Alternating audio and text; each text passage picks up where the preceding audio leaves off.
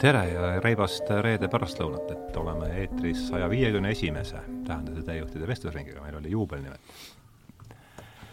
äh,. teisi, teisipäeval, ei, kolmapäeval jah, et oli küpsis laual ja puha, et kahjuks, kahju ei ole pakkuda enam järeltorti, aga aga vahva, seda tänulikum olen teile, et te tulite täna, et, et suur-suur Armin pole ju näinud ka ikka hea mitu aastat vist juba. jah, haigus tuli vahele. jah, just pärast seda esi, pärast koroonat esimest korda. ei, vist ei ole tõesti, jah. Jaa. ja nii et suur aitäh kohe alguses, et, et tulite aega leidsite, et katsume siis, mõtleme kuidagi seda, et juba tulite, et oleks huvitav ka, et vähemaltki see, et saatel on oma eellugu ka, alguses ma tahtsin, ammu oli mõte teha äh, inflatsioonist. Ja et oleks siis praktilise ettevõtja kogemusega inimene ka sellest ajast ja ja loogika enam-vähem oli see, et ma mõtlesin nagu see pool aastat tagasi, et kuidas see koroona asi lõpeb. et tõenäoliselt, või ma arvasin, et ta lõpeb nüüd ja tuleb mingi uus asi peale ja siis ta, tähelepanu nihkub sealt ära ja ta kaob. nagu nüüd pa-, enam-vähem paistab, paistab praegu juhtuvat, et, et mis võib olla see järgmine asi siis, mis äh, tuleb äh, koroona asemele, inflatsioon tundus olevat üks äh, tõenäolisematest kandidaatidest, et noh, ta praegu ei ole veel palju platsiaega saanud, aga eks ta hakkab ilmselt, tuleb rohkem mängima tõenäoliselt tulevikus, aga siis see kuidagi see no, esmased vestlused olid niimoodi, et väga ei haakunud, siis mõtlesin, et, et eluks, räägiks elus keset suurt segadust. oli järgmine mõte vist. ja siis, aga noh, siis räägiks siis elust endast, et keset suurt segadust me siin praegu oleme, oli juba järgmine mõte ja siis mul tuligi meelde see, et kahekümne, koroona-aasta lõpus Elu24 küsis mult arvamusartiklit selle kohta, mis minu arvates toimub ja ma siis kirjutasin ja ja mõtlesin, et, et noh, anda mingigi struktuur vestlusele, et ma jagan pleenumi materjalid laiali siis mm. -hmm. et no, no vähemasti kuskilt alustada pihta, et, et minu taju, ja ma mõtlesin, et, et kui ma peaks kokku võtma kogu selle asja enda jaoks, et siis seega ma paremini praegu, see on see, mis ma, mis ma arvan, seda ma, sellega ma võiks teid tutvustada ja siis selle käigus võrdleks seda teie tajuga ja ja siin peaks äh, kaheks tunniks olema, et äh, ju äh, veerima ei hakka, et ma võin lühidalt rääkida. ja siis ma lõpetan oma tavatult, tavatult pika sissejuhatusega ära. et kõigepealt, kus see peal, peaks pealkirja põhjendama kõigepealt mm. -hmm. pealkirja struktuur. pealkiri tuli, Erik Davis on üks äh, USA mõtleja mm, kes kirjutanud kontrakultuurist ja, ja, ja Terence McKennast ja sellistest äh, ebakonventsionaalsetest mõtlejatest ja tema siis äh, ütles äh,, see kujund on temalt, et see koroona on meie viroloogiline, viroloogiline trip, kolle-, kollektiivne psühhedeelne niisugune sõit. ja see tundus, äh, see tundus mulle, et sealt tuli see pealkiri ja, ja siis ja siis struktuur on selline, mulle väga meeldib, äh, mina kohtasin seda mõtet äh, Helmar Salumaa ja nüüd alguses ma nimetasin neid Salumaa küsimusteks, Salumaa lihtsalt tsiteerib Kanti, et äh, igal ajastul filosoofial on kolm suurt põhiküsimust, et mida me teame, mida me peame tegema ja, ja mida me tohime loota. et see oli, see oli see, kuidas ma selle loo struktureerisin ja ja läheme siis edasi, esi-, esimene päevakord, mida me teame, minu arvates, mida me teame, see on jälle kui esimeses ihikus, et püramiid väriseb. selles mõttes, et äh, ühiskonna alustoed tunduvad niimoodi rappuvat.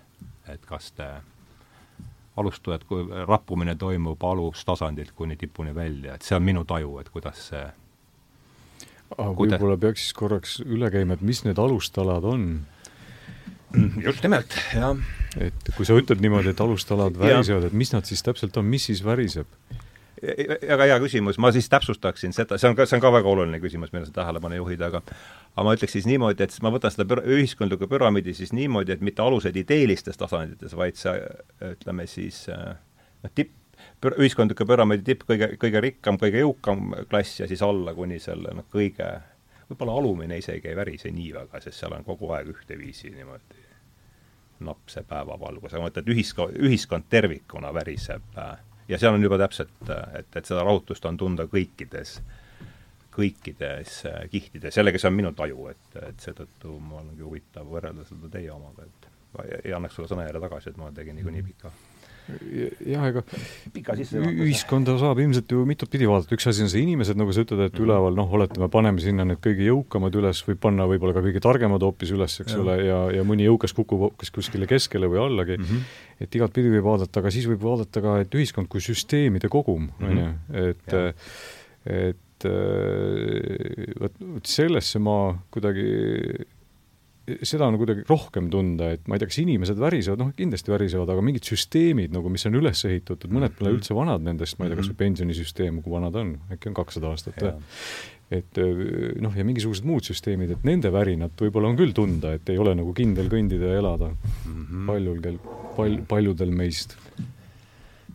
kuidas sulle tundub selle värina, värina küsimuses hmm.? vaata, mis ma, mis ma siia alla kirjutasin, ma ka mäletan me äkki eelmine kord, kui me, kui me rääkisime siin, äh, siis me rääkisime Eisensteini sellest kolmest äh, esseest, on ju. jah. nii, no siis me natukene ka rääkisime sellest, siis me rääkisime meediast, eks, et, äh, et mismoodi, mismoodi meedia kuidas me nimetasime, korporatiivmeediaks seda, et ja. mismoodi see siis üritab, või noh, mitte üksinda, aga, aga see on üks osa, mis üritab siis seda noh, seda tsementeerunud või, või, või seniseks harjumuspärast süsteemi kuidagi äh, noh, koos hoida, et sul on mingisugused struktuurid mm, -hmm. mis on äh, no võtame näiteks äh, finantsstruktuur, võtame mingisugused suured äh, sellised korporatiivstruktuurid, et ma arvan, et seal on sellist mm -hmm. võbinat ja.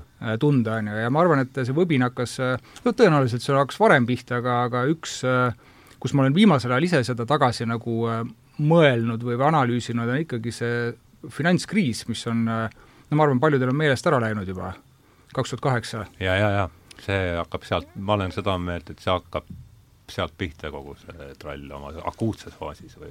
sa kirjutasid äh, selle loo, on ju, see Mädanev haag, eks, et ma arvan, noh, see, see ongi, ma arvan, väga hea selline pidepunkt vähemalt, vähemalt minu jaoks küll, et äh, et ma arvan, et siiamaani tegelikult need mm -hmm. ei mhm. ole võib-olla otseselt kuidagi äh, noh, tajutavad, et need on just sellest finantskriisist, aga ma arvan, me pole sellest finantskriisist no. väljagi tulnud ja. tegelikult. ma olen täiesti, siin minu, siin minu taju, kuidas sul, äh, küsime vahele, et kuidas sina seda tajud? Äh, vaata, ma ei ole nagu finantsvaldkonna inimene, et ma kindlasti palju sind kaks tuhat kaheksa üldse mõjutas isiklikult?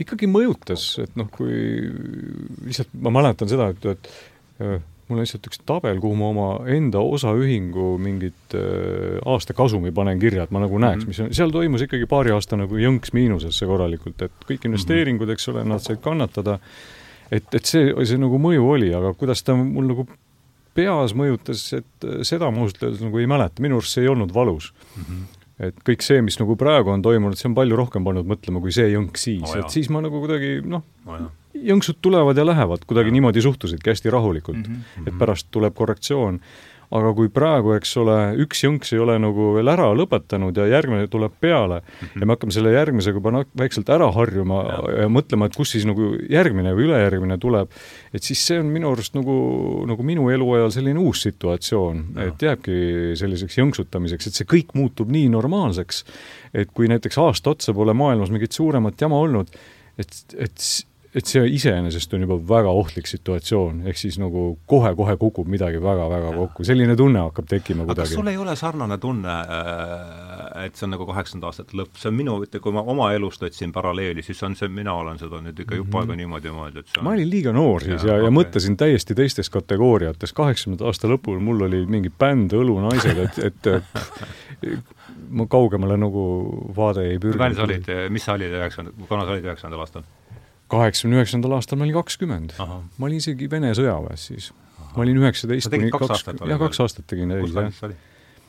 see oli niimoodi, et see algas äh, Ukrainas, Poltavas, mis on praegu ka jah, keset lahinguid, eks ole. seal olin pool aastat, siis ma olin pool aastat Nižni Novgorodi külje all ja siis viimase aasta olin Moskva külje all. kuida-, räägi Poltava vibe'i natuke, on meeles ka midagi või? Tead, vähe, sest et esimene poolaasta sa eriti nina välja pista ei saa oma väeosast, võib-olla ühe korra või nii, aga see oli üldse minu jaoks väga põnev aeg, see sinna Nõukogude armeesse minek, sest et mul enne seda ei olnud ettekujutust, kui palju erinevaid rahvaid võib ühes riigis elada. Mm et kuidagi mõtlesid, et meie mõtleme ja räägime eesti keeles ja kõik ülejäänud mass nagu vene keeles, siis tuli välja, et see ei ole nagu üldse niimoodi, et seal oli tüüpe, kes tulevad sõjaväkke ja kes ei oska sõnakestki vene keelt ja nad ei tule üldse Baltikumist, vaid nad mhm. tulevad kuskilt Aasiast, näiteks Tuva NSV-st mõnega nendega isegi sõbrustasin ja, ja see oli silmi avav minu jaoks. see oli, on ju? jah, kui palju olime erine... kõik ühes sellest, noh.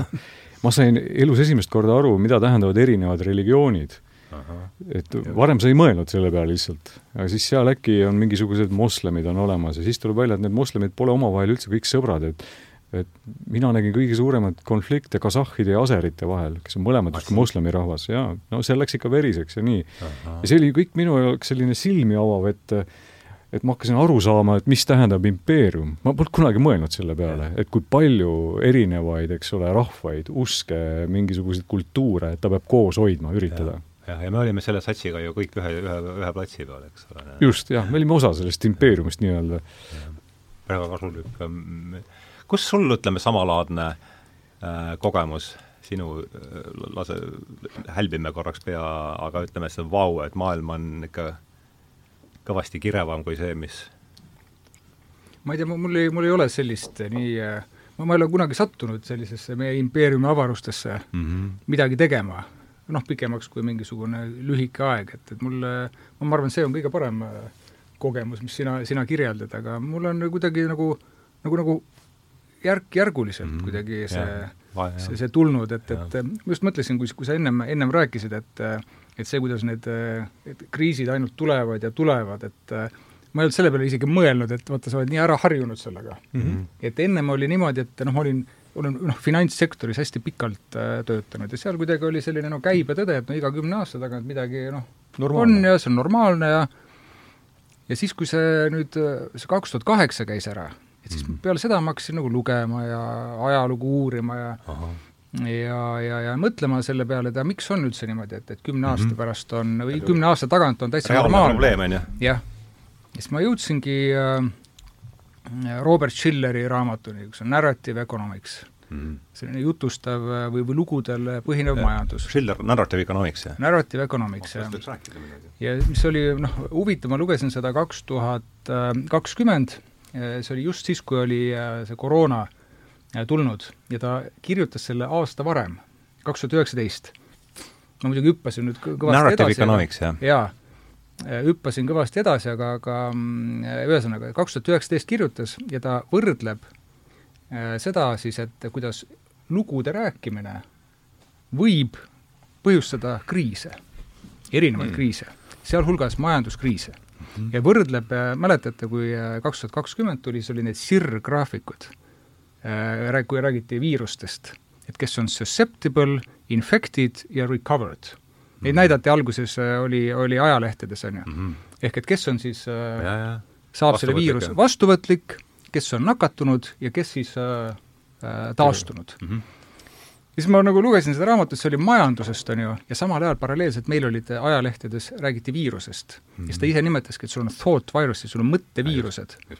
ja ehk et, et kuidas siis need lood, kus ma jõuan siis selle, selle kümneaastase, see välbani, oli see, et äh, ütles, et tänu meediale ja sellele, missuguseks on meedia muutunud, kui inimesed ära unustavad selle, noh, nagu mina näiteks unustasin, et äh, vanasti oli kümne aasta kaupa, nüüd on kogu aeg, siis meedia tuletab sulle meelde mm. -hmm. ja nad vaatavad, millal viimati oli, siis nad hakkavad rääkima ja kirjutama sellest. Pole olnud ammu, et, et jaa, tõmbame teema üles.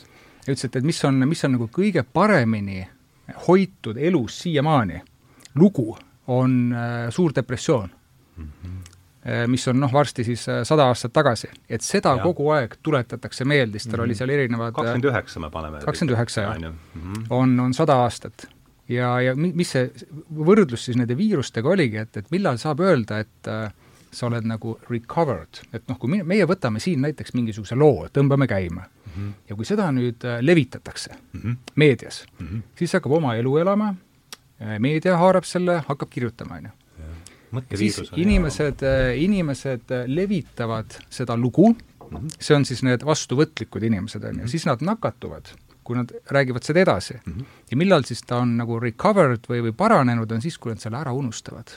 kui on saanud uue asja, mida jaa, mida, mida nagu järada. ja see oli, see oli nagu huvitav mm -hmm. noh, minu jaoks, et et tegelikult noh, tema väide oli see, et, et see ei ole nüüd sajaprotsendiliselt niimoodi, et inimesed ise kutsuvad ellu neid kriise mm, -hmm. aga ta ütles, et väga suur osa on sellel, et kuidas hakatakse, noh mõtle, kui sul on äh, noh, paar kuud on äh, pealkirjad olnud sellised, et noh, nüüd peaks valmistuma noh, millekski hulluks, meil on olnud nüüd juba üle kahe aasta seda, on ju, aga kas või vara, varakult või varasemalt, on ju.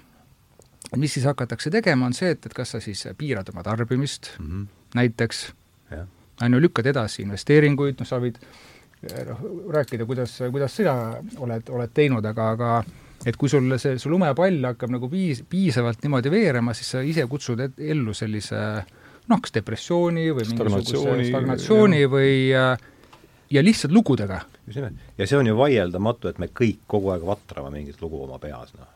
minu, minu, ma ei saa muidugi kõigi kohta öelda, aga mulle tundub, et mingid lood kindlasti, kogu aeg mingi lugu käib seal. kui sa seda narratiivi rääkisid, siis nagu noh, ma hakkasin kohe mõtlema, et ju meie naaberriigis ju räägitakse mingit lugu iga aasta üheksandal mail mm, -hmm. väga kõvasti, on ju ja siis nad ei saagi sellest viirusest ju lahti, sest et keegi ei jäta rääkimata. no mingis mõttes on see nende alusmüüt, ega seal ei ole ju jaa, aga see alusmüüt on ju vähem kui sada aastat vana, eks ole, see üheksas mai, et et seal neid alusmüüte on ilmselt nagu veel, aga see on nagu hea näide, et jah, et kui sa lihtsalt kogu aeg räägid ei, ühest asjast see müüt on teise müüdi peal, see on loomulikult. jah, et siis, siis ei saagi lahti. Ma mõtlen jah, et selle, ütleme siis selle tuhat üheksasada seitseteist alguse saanud Venemaa üks põhimüütidest on see üheksas mai. noh, mulle tundub, aga loomulikult see tuhat üheksasada seitseteist alanud Venemaa, see on ju noh, seal on kogu see muu, muu asi all, jah. aga ma nüüd vahele ei seganud su mõttele? ei, ei, üldse mitte. ega ma, Kaarel, sulle vahele ei seganud? ei, ei. no ma mõtlen, seesama püra-, kuidas see, kuidas mina aru sain, et noh, ülilihtsalt skemaatiliselt esitatud, kui me võtame ühiskondliku püramiidi nüüd sellise rikkuse ja võimu alusel ja teeme ta kahemõõtmeliseks, võtame üle, lõikame ülevalt selle kolmnurga ära, ütleme, et see on partei majandusaktiivne, nagu teda nimetati kaheksakümnenda aastate põhja, siis on meil seal armas ilmarahvas all, siis mulle tundub, et see ar-, see püramiidi alus vä-, väriseb, jah. ja see, millest ma seda järeldasin, on, olid just Brexit ja Trump et, et kui ma selle argumendi tegin, siis põhiline see, ütleme, selles argumendis põhiline osa oli sellel, et et peavoolumeedia ju igal pool, nii siin, igal pool oli, võttis väga selgelt nii Trumpi kui, kui Brexiti vastase hoiaku ja mõlemal juhtul juhtusid nii, mõlemal juhtudel juhtus nii Trump kui, kui Brexit, et see on, noh, see on tõsiasi selles, nii palju, kui me tõside asjast aru saame, see juhtis mind järeldusele, et see lihtsalt see punkt üks, peavoolumeedia, jääme nende terminatorde partei majandusaktiivi võime oma lugu müüa alla, on ikkagi järsult äh, vähenenud. Ja et, et oleks, saakski teada, kuidas teie seda tajute, et äh, et ma näen ju lõppude lõpuks ikka ainult oma nurka ja, ja läbi oma filtri asju. Ja me vist näeme ka ainult oma aega kahjuks, eks ole, vot siis võiks no ju võtta kogu eelmise sajandi, et noh, kui need öö, suured diktaatorid võimule tulid, et kas seda nähti ette samamoodi või ei nähtud või kas siis nagu meedia võitles selle vastu, et ei, et Hitler ei saa mitte kuidagi võimule, ta ikkagi sai, või siis vastupidi, et kuidas see käis, et et ainult viimast mingit paarikümmend aastat võtta, et äkki on liiga vähe, et tõmmata mingit nagu trendi, et ei muidugi, jah. nojah, aga viimast paari aastat, ei loomulikult, loomulikult kahe aasta pärast ei, kahe, kahe aasta pealt ei saa trendi, aga eks me selle, selle viimase kahe aasta hindamisse me võtame ju kaasa kogu oma selle pagasi, mis meil isiklikult on kaasas olnud, on meil nüüd mõlemal, eks sinna viiekümne, pealt viiekümne võib-olla mis on tõesti nagu nüüd viimasel ajal muutunud, on see, et et noh, inimesed ilmselt ei usalda enam nii kindlalt äh, teatud nagu meediumit, ma ei tea, ajalehti, midagi taolist, et noh, ajaleht, mis noh, oli ju Eesti rahva nagu sellise hariduse alus, et me Just. õppisime ise lugema ajalehte sa mõtled ärkamisaega? jah, üldse, eks ole, meil on kuidagi see nagu sees, et sa loed lehte ise, teed oma järeldused ise, otsustad ise, analüüsid ise mm, -hmm. kodus loed piiblit ise. no reformatsiooni tagajärg otseselt. jah, eks ole, kui naaberriigis võib-olla käidi kuulamas, mida räägitakse mm -hmm. sulle piibli alusel ja nii edasi. No. aga ma mõtlen, ja lihtsalt, et et mis on nüüd muutunud, on see, et noh, leht on muutunud ju, lehe mõju on muutunud aina väiksemaks, eks ole, kõrvale on tulnud need äh, nii palju muid neid tõdesid, et see kindlasti kogu sellist äh, noh, informatsiooni hierarhia on minu arust nagu ka kõvasti kannatada saanud, see on üks asi, mis väriseb. jah, see on kõik osa sellest, jah ja. et, see ei ole enam niimoodi, et ma loen iga päev, ma ei tea, Postimehe või Päevalehe läbi ja siis ma olen nagu kõigega kursis. tark valmis. jah, et ei ole mm. -hmm. jah, jah, noh, eks me räägime ju ühest asjast ja kui kolm asja välja tuua, sellised ikkagi üritab mingeid silte külge, külge panna sellele tundmatule asjale, aga noh, see oligi kolmas asi, mis me, mida me minu arvates teame, et kantsel on kadunud, et ei mm -hmm. ole enam seda, et hõiskame kell üheksa Vremjast, eks, maha need PowerPointi slaidid ja nii ongi kuni järgmise saateni, noh. et seda, seda ikka ei ole enam, on ju. ja see ilmselt on selle värinaga tekitanud, ma kujutan ette. nojah, noh, ma, ma arvan, meie oleme sellel ühel meelt, ma arvan, et kui ja. sa läheksid kuhugi noh, ma ei tea, kuhugi teise kohta, sulle öeldakse, et mis mõttes noh, et aga see ongi see õige info, kus mis ja. me ütleme, et, et või ei ole, ei ole ainus info, et ma arvan, et seal noh, mingisugused noh, muutused käivad, aga, aga ma arvan, see kindlasti ei ole kuskile väga kaugele äh, kaugele süvenenud, noh kui sa vaatad kas või seda, et noh, nimetamata täitsa väljaandeid, noh nimetame neid, no lähme isegi Eestist kaugemale, nimetamegi sellise korporatiivmeediaks, vaata missugune nagu, nagu valulik võitlus käib ju äh, igasuguste selliste alternatiivsete äh, noh, meediate vastu mm. -hmm noh, ma ei tea konspiraatorid ja mis kõik? noh, nagu halvustav on see ja. tegelikult ju, et äh, kui me mõtleme, et äh, mulle ühe esinemise jaoks ma just äh, otsisin välja, et, et mis, kuidas defineerida üldse ajakirjandust, et oli see, et äh, kui ma nüüd õigesti mäletan, oli kolm asja, et äh, äh kontrollid, analüüsid ja edastad informatsiooni. noh, kui varasemalt seda infot polnud kuskilt mujalt saada, siis sa lugesidki seda lehest või vaatasid uudistest. noh, ma ei tea, mis mulle on äh, tundunud siin noh, vähemalt paar aastat juba, et seda kontroll, analüüsi, edastust, seda on noh, on, aga mhm. mingisuguste teemade puhul see on äh, nagu vähemuses mm. -hmm. et rohkem on sellist arvamust mm, -hmm. et see ei ole arvamus külgedel, et noh, kunagi oli niimoodi, et ajalehes oli, olid mingid rubriigid ja, ja siis oli arvamuskülg. Ja praegu mulle tundub, et on arvamuskülg ja siis on paar rubriiki veel Äh, noh, ma liialdan, on ju, meelega, aga noh, kui sa mõtled, et äh, no ma olen ise kohanud sellist, sellist retoorikat, et, et, et kui sa nagu otsid või loed või kuulad või, või vaatad midagi, mis on näiteks Youtube'is mm, -hmm. nagu halvustavalt, et noh, mõttetu. ja siis mõtledki, et aga aga ah, see on niimoodi, ju, ja, ja, ja mm. -hmm, ja see ma ise ju, isiklikult, võib-olla küll, jah. täitsa is, isiklikult olen, olen, olen nagu kohanud sellist, et noh, peaks ikkagi nagu jälgima siis nagu seda kokku lepitud mingisugust äh, jah, ametlikku joru. jaa, aga noh, mõtledki, et aga aga see, see nii-öelda see ametlik meedia on ju samamoodi nendes samades kohtades, mida ei peeta nagu päris ajakirjanduseks, nad on sealsamas äh, Facebookis, Youtube'is on ju äh, sellepärast, et levik oleks, oleks suurem mm. -hmm. no kes on kõvasti siin äh, vastu pead saanud viimasel ajal, on see Joe Rogan, on ju. Mm, mõtledki, et sa vaatad ka Roganit või? ma ei vaata üldse selliseid asju kuigi palju, jah. ja siis noh, ma vaatangi, et, et mis, mismoodi nagu erineb see, see info, on ju, et äh, ma arvan küll, et see on, see on,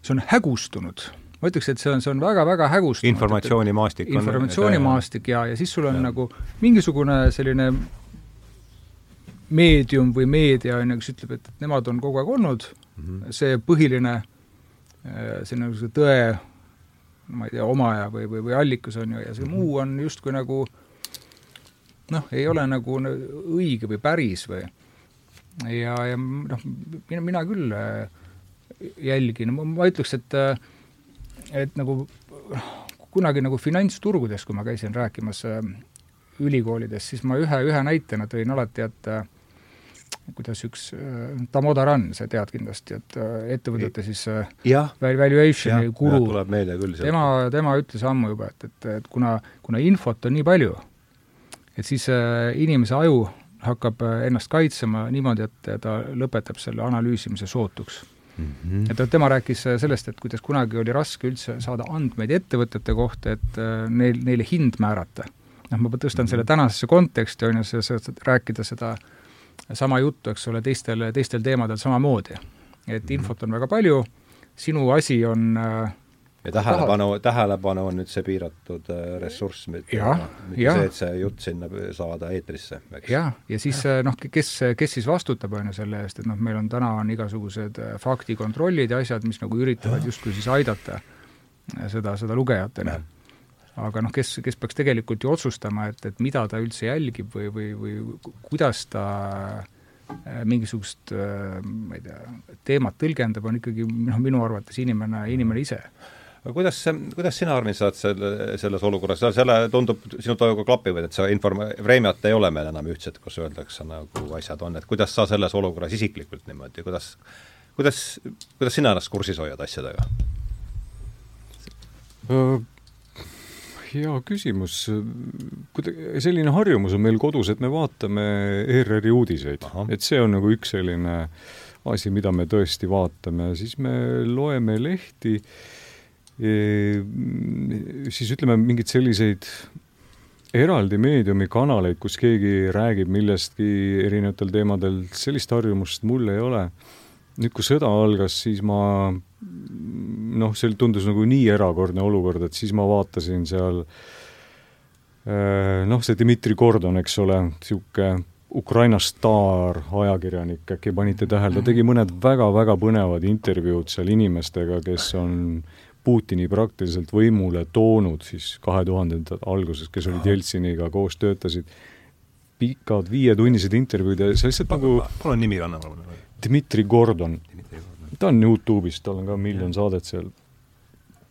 ja, ja siis nagu vaatad küll, aga mida ma ise olen nagu tähele pannud, vaata, et nagu see sõja konst-, kontekst on selline nagu hea lakmuspaber iseenda jaoks ka, et tuleb igasuguseid artikleid, igasuguseid uudiseid ja pigem hakkad jälgima neid, kes äh, nagu noh, toetavad seda lõpplahendust, mida sina ise ka ootad, mis on nagu positiivsed, et, et see Ukraina kindlasti nagu võidab ja kui sa kuskilt kuuled või loed midagi, mis on jälle skeptilisem, et kuulge, see pilt ei ole nii ilus, eks ole mm, -hmm. et, et, et see Venemaa ei murdu nende sanktsioonide all ja nii edasi, siis nagu sellist uudist justkui ei taha lugeda, et, et lähed ikka tagasi kohe sellesama Eh, sinule sobiva narratiivi juurde. Ja kui sa nagu vooderdad ennast, eks ja. ole, ära selle eh, nagu toreda, sulle sobiva looga mm, -hmm. siis eh, see ei ole ju ka nagu tõde, on ju, millega sa ennast vooderdanud oled, see on, see on nägemus. hea kujund, aga eks seda paratamatult teeme kõik, me kõik me teeme kogu aeg seda minu et see muidu nii nagu Kaarel ütles, et eks ole, ajakirjandus on paljuski lugenud, muutunud arvamuste selliseks nagu mis sõna see on, platvormiks Platform., just, eks mm ole, et ajakirjandust on ka, aga arvamusi on jube palju. ja meil on ju kõigil siis äh, võimalik valida mõni arvamus, mis meile sobib. mis võib-olla ei olegi ajakirjanduslikult üldse niimoodi adekvaatne, on ju. ja ma arvan, et täiesti normaalsed, targad inimesed äh, hakkavadki nagu aina rohkem seda arvamuste maailmas mingit oma sellist ussikäiku ajama ja lõpuks me oleme kõik ühed arvajad. Ja, ja teiste arva, arvamuste jälgijad ja järgijad ja see nagu päriselu, ma ei tea, kui seda üldse niimoodi olemaski on, ja niisugune nagu puhas teadus, et ta kaob kuskil tagaplaanile, et ma kogu aeg mm -hmm. nagu vahest nagu mõtlen niimoodi, et me lendame lennukiga, eks ole, mille on ju ehitanud kurat teadlased, meil on kõigil taskus mobiiltelefon, mis on jälle puhtalt nagu teaduslik niisugune vidin mm, -hmm. ja selle juures me võime niisugust jama suust välja ajada, et need teadlased, kes selle lennuki lendama panid ja mobiiltelefoni nagu töötama panid, no ikka võiksid nagu, ma ei tea, sulle solgipange kal-, kaela ajada, et kuule, et, et mees, et või naine, või noh, saa aru, et maailm niimoodi lihtsalt ei tööta aga meil ükskõik. nojah, aga seal jällegi, kui me räägime teadusest, sest see, see on nii lai mõiste praegu, et selle ase-, seal me ei räägi suurt millegi, sinna kuulub sealt need on kõik väga asjakohased näited, mis sa tõid, aga no kui hakkame vaatama, mida seal sots-, sotsiaalteadlased, kes ennast ka teadlasteks nimetavad, mida need seal ja, produtseerivad, siis saad aru ka, kust see umbusk selle tea-, seda küll, ja nagu, nagu iga teadlane ütleb sulle ka seda, et, et teadus ongi ju avatud, eks ole, ta ei ole nagu suletud. just nimelt, see ei ole mingi maailmavaade, ei tohiks ja. olla, vaid ikkagi uurimismeetod aga samas, eks ole, et näe, me kõik kasutame neid mobiile, me, me sõidame mm -hmm. autoga ja me usume, et see auto teeb õigeid asju, on ju, et seal on, meil kõikides autodes on emaplaadid, arvutid on sees, ei ole enam need käigukangid ja mootorid, on ju mhm. et äh, see on kõik teaduse produkt ju. ma ei taha juttu kuskile nagu mujale viia sellega, aga aga üks asi, mis ma olen äh, mõelnud päris palju, on see tehnoloogia selline võidukäik, et mm -hmm. noh, et kui palju seal on tegelikult noh, hakata niimoodi tagasi mõtlema, et noh, me rääkisime meediast, et kui palju on tänu tehnoloogiale ta muutunud tegelikult, et ta mm -hmm. jõuab noh, peaaegu igale poole hetkega, eks mm. -hmm noh, mõelda üldse edasi, et selliseid tehnoloogilisi saavutusi, et mida me oleme harjunud äh, kasutama, et, et kui palju sealt on sellist, et äh, noh, mis on nagu päriselt ütleme, evolutsiooni mm -hmm. mõttes kasulikud ja kui palju seal on sellist Talev kirjutab nendest asjadest, eks ole? Anti Apras, kas sa oled, aga vabandame, räägi, räägi edasi. ja, ja, ja et kui palju seal on nagu sellist, mis mis toob endaga kaasa midagi sellist, mis varsti vajab mingisugust äh, ma ei tea, kas võõrutust või noh, ma mõtlen, kas uut, uut masinat? noh, näiteks noh, ma ei tea, kümme aastat tagasi ma ei oleks äh, kujutanud ette, et äh, on mingisugune platvorm internetis, on ju, kust inimesed siis peavad ennast võõrutama aeg-ajalt, et nad äh, muidu lähevad liiga selle asja sisse, et see hakkab neile halvasti mõjuma, on ju. Mhm. ma tean väga paljusid, ma olen ise teinud Facebookis niimoodi, et noh, vahid liiga palju asju seal mm. -hmm. ja siis noh, mõtle, tegelikult see on ju mõeldud, et noh, ta peaks olema ju positiivne mm. -hmm. samamoodi see pidev nagu uudiste, uudiste voos olemine, on ju. et eks neid näiteid on veel, mul ei, ei, tule praegu pähe, aga jah, et et kõik ei ole nagu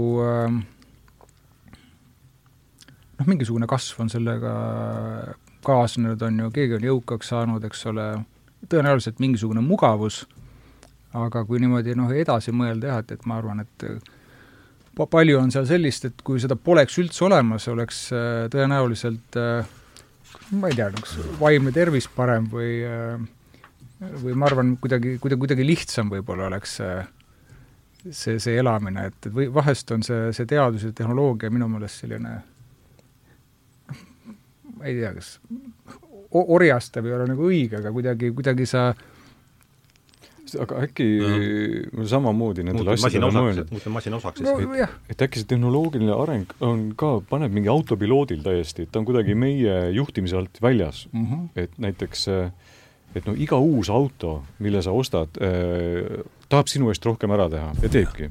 ja sa ei pea varsti pidurdama ka, sest auto pidurdab ise, on ju, sest et ta eeldab, et me muutume juhtidena kogu aeg nagu saamatumateks, lollimateks, ohtlikumateks, et võib-olla me samal ajal oleme telefonis, eks ole, loeme Facebookist uudiseid, et auto ise pidurdab ohuolukorras, teeb seda paremini kui sina. naine ostis just äh, telefoni paar päeva tagasi, hakkas Messengeri midagi perechati kirjutama, kirjutab kõik valesti, kõik naeravad, eks ole.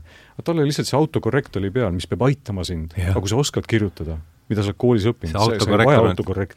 ja nüüd on nagu kõik pea peal, eks ole, me ei saa mitte midagi aru, mida ta kirjutab, sellepärast et abivahend aitas sind. Et see, see on nagu mingi ja, ja, ja kuskil see tehnoloogiline areng, eks ole, ma ei tea, kes seda juhivad, noh, miljardist kohast ilmselt korraga, vot peab inimest kogu aeg aitama, sest et inimene on väetikene, rumalukene, ei saa hakkama, vilets on ta, me peame talle tegema kogu aeg nagu mugavamaid asju, on ju. ja seejuures me jääme ka nagu rumalamaks äh, ja võib-olla jäämegi ka väetimaks lõpuks, ei oskagi ja selle piduri peale narratiiv, et nüüd alles minnakse üles mägedele ja võetakse kõik oma kontrolli alla ja mis see kõik, see muu sõidetakse, ma ei tea, kuhu, seitsme raketiga. on niisugune jutt on ka käib veel samal ajal, eks. jah, ja need, kuidas need kaks mm -hmm. lugu äh, kokku mahuvad. et see, see ei peagi olema nagu õpitud abitus, aga sa muutudki abituks, vaata, kui sul kogu aeg nagu antakse peale, et sul on noh, valida, et kas sa tarbid seda tehnoloogiat, on ju, või siis äh, noh, jääd sellest täiesti eemale, on ju, ma lihtsalt ei kujuta seda ette, et, et kuidas siis, kuidas, kuidas no. see välja näeb, et sa pead nagu kolima kuskile noh, konkreetselt no, ära. kui, kui telekas näidatakse dokfilmi, eks ole, praeguse aja arhitektist, kellel ei ole mobiiltelefoni, siis kõik ju mõtlevad, et issand jumal, kuidas niimoodi on nagu võimalik. aga tal on jumala head argumendid, eks ole, et milleks ma seda vajan ja siis öeldakse, kuule, aga sa lähed objektile, sa käid ringi, sa oled arhitekt, eks ole. aga ma ei taha, et keegi mind objektil olles segaks mm. -hmm. kõigil on minu see lauatelefoni number olemas, ma võin oma kodukale kirja panna, et eks ole, mis kell ma istun siin, helistage. et tema elu on tegelikult organiseeritud mm. -hmm. ja kõik meie vaatame, et lollakas, eks ole, imelik mm -hmm., kiviaja inimene. noh, see no seesama äh, Charles Eisenstein, kellest me eelmine kord rääkisime, ma olen kindel, et see käis ka sellest, või võis vabalt käia ka sellest juttu ajamist, läbi lihtsalt mobiiltelefoniga tek-, tekkis järgmine assotsiatsioon, et kui ta tuli pärast seitset aastat Taiwanil tuli taga ja see on nüüd koroona eellugu minu arvates, et tuli, tuli siis pärast seitset aastat Taiwanil tuli tagasi usse, vaatas esimene küsimus, et kus lapsed kõik on.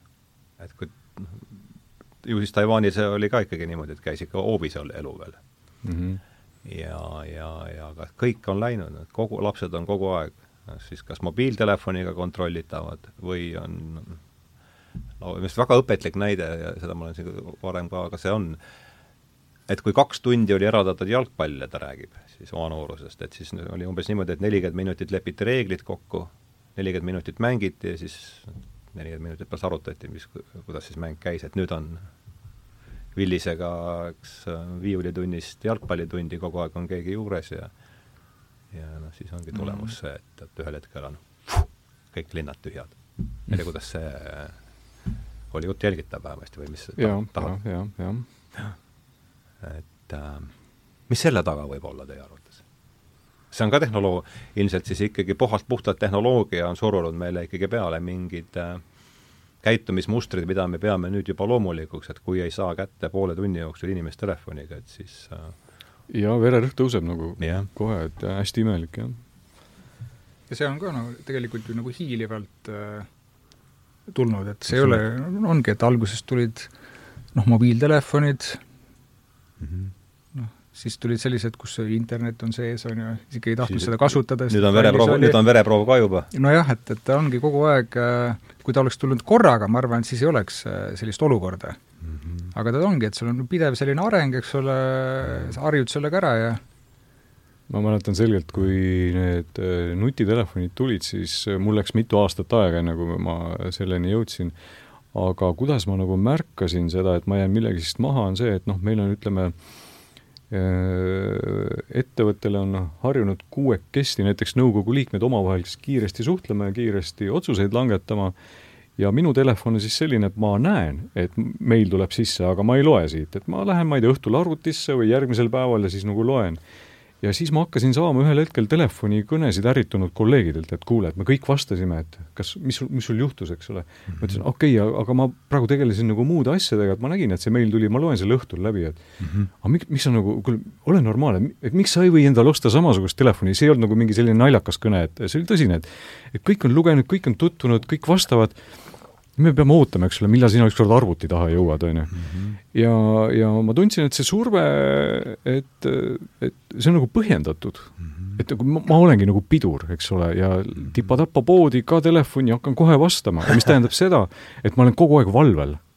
sest et see võib tulla. et ühel hetkel, eks ole, eh, ta piiksub sul kogu aeg, et tuleb, siis see piiksumine häirib, sa võtad need piiksujad ära aga see asendub sellega, et sa nüüd vaatad kogu aeg, et kas tuli, sest et sa piiksu ei talu näiteks, on ju. ja sa mm -hmm. vaatadki kogu aeg ja see on mul niimoodi sees, ma vaatan kogu aeg mm, -hmm. et äkki tuli midagi olulist mm. -hmm. ja kümme aastat tagasi selliseid olusid asju ei olnud. ja ma, ma ei oska öelda, et mis nüüd maailm on kuidagi nii hulluks läinud, et ma pean kahe minutiga kõigele ja. reageerima, aga kuidagi no tulemus on see, mida me siin jah, surve selleks on täiesti nagu reaalne. ja see on ikkagi mingis mõttes võib seda öelda, et ta on, ei ole luuleliselt väga kaugel, kui vähemalt, et masinad on selle meile peale surnud, selle ma ei usu, et ainult masinad, ma arvan, et no see on niikuinii metafoorina, eks ole, mõeldud mitte nüüd äh, jah, aga noh. masinad on ka toredad, masinad ju soovivad meile palju õnne iga aasta, eks ole, siis kui sa talle vastu kirjutad, et aitäh, siis ta saadab sulle püstise näpu, et kuule, et siia ei vastata, et aga enne seda on südamlik kuradi õnnesoov, ma ei tea, Telialt näiteks või midagi SMS-i teel. ma alati kirjutan, et aitäh, et tõesti suur tänu, et siis tuleb kohe mingi mis värk, eks paragrahve. et see pole nii mõeldud mm.. ei, ma olen, ma olen sellega noh, sada protsenti nõus, et mis ma olen nagu enda, enda puhul vaadanud, on see, et äh, ma kusjuures mäletan veel, et millal oli niimoodi, et äh, see oli umbes kaks tuhat, äh, ütleme kaks tuhat kümme kuskil. siis veel äh, ma mäletan, et kui ma läksin puhkusele, siis ma tulin tagasi, siis ma istusin arvuti ette ja siis ma teadsin, et mul oli, mailbox oli äh, täis, et siis noh, see oli kuidagi nagu tavaline, et noh, terve päev inimest ei segata siis, kui ta puhkuselt tuleb, siis ta saab oma mailboxiga töötada. ma arvan, see oli kaks tuhat kümme, võib-olla isegi üksteist, kaksteist kuskil mm -hmm. praegu on niimoodi, et äh, Ehm, ma olen, ma olen tähele pannud, et on enam-vähem kahte sorti inimesi. ühed on sellised, kes teatavad kohe, et äh, ma lähen puhkusele, ma ei vasta äh, ühelegi töömeilile mm. -hmm. ma ei tea, kas see on siis äh, väljakutse nende jaoks või mitte, on ju, aga nad teevad nagu selge vahe vahele, on ju. Mhm.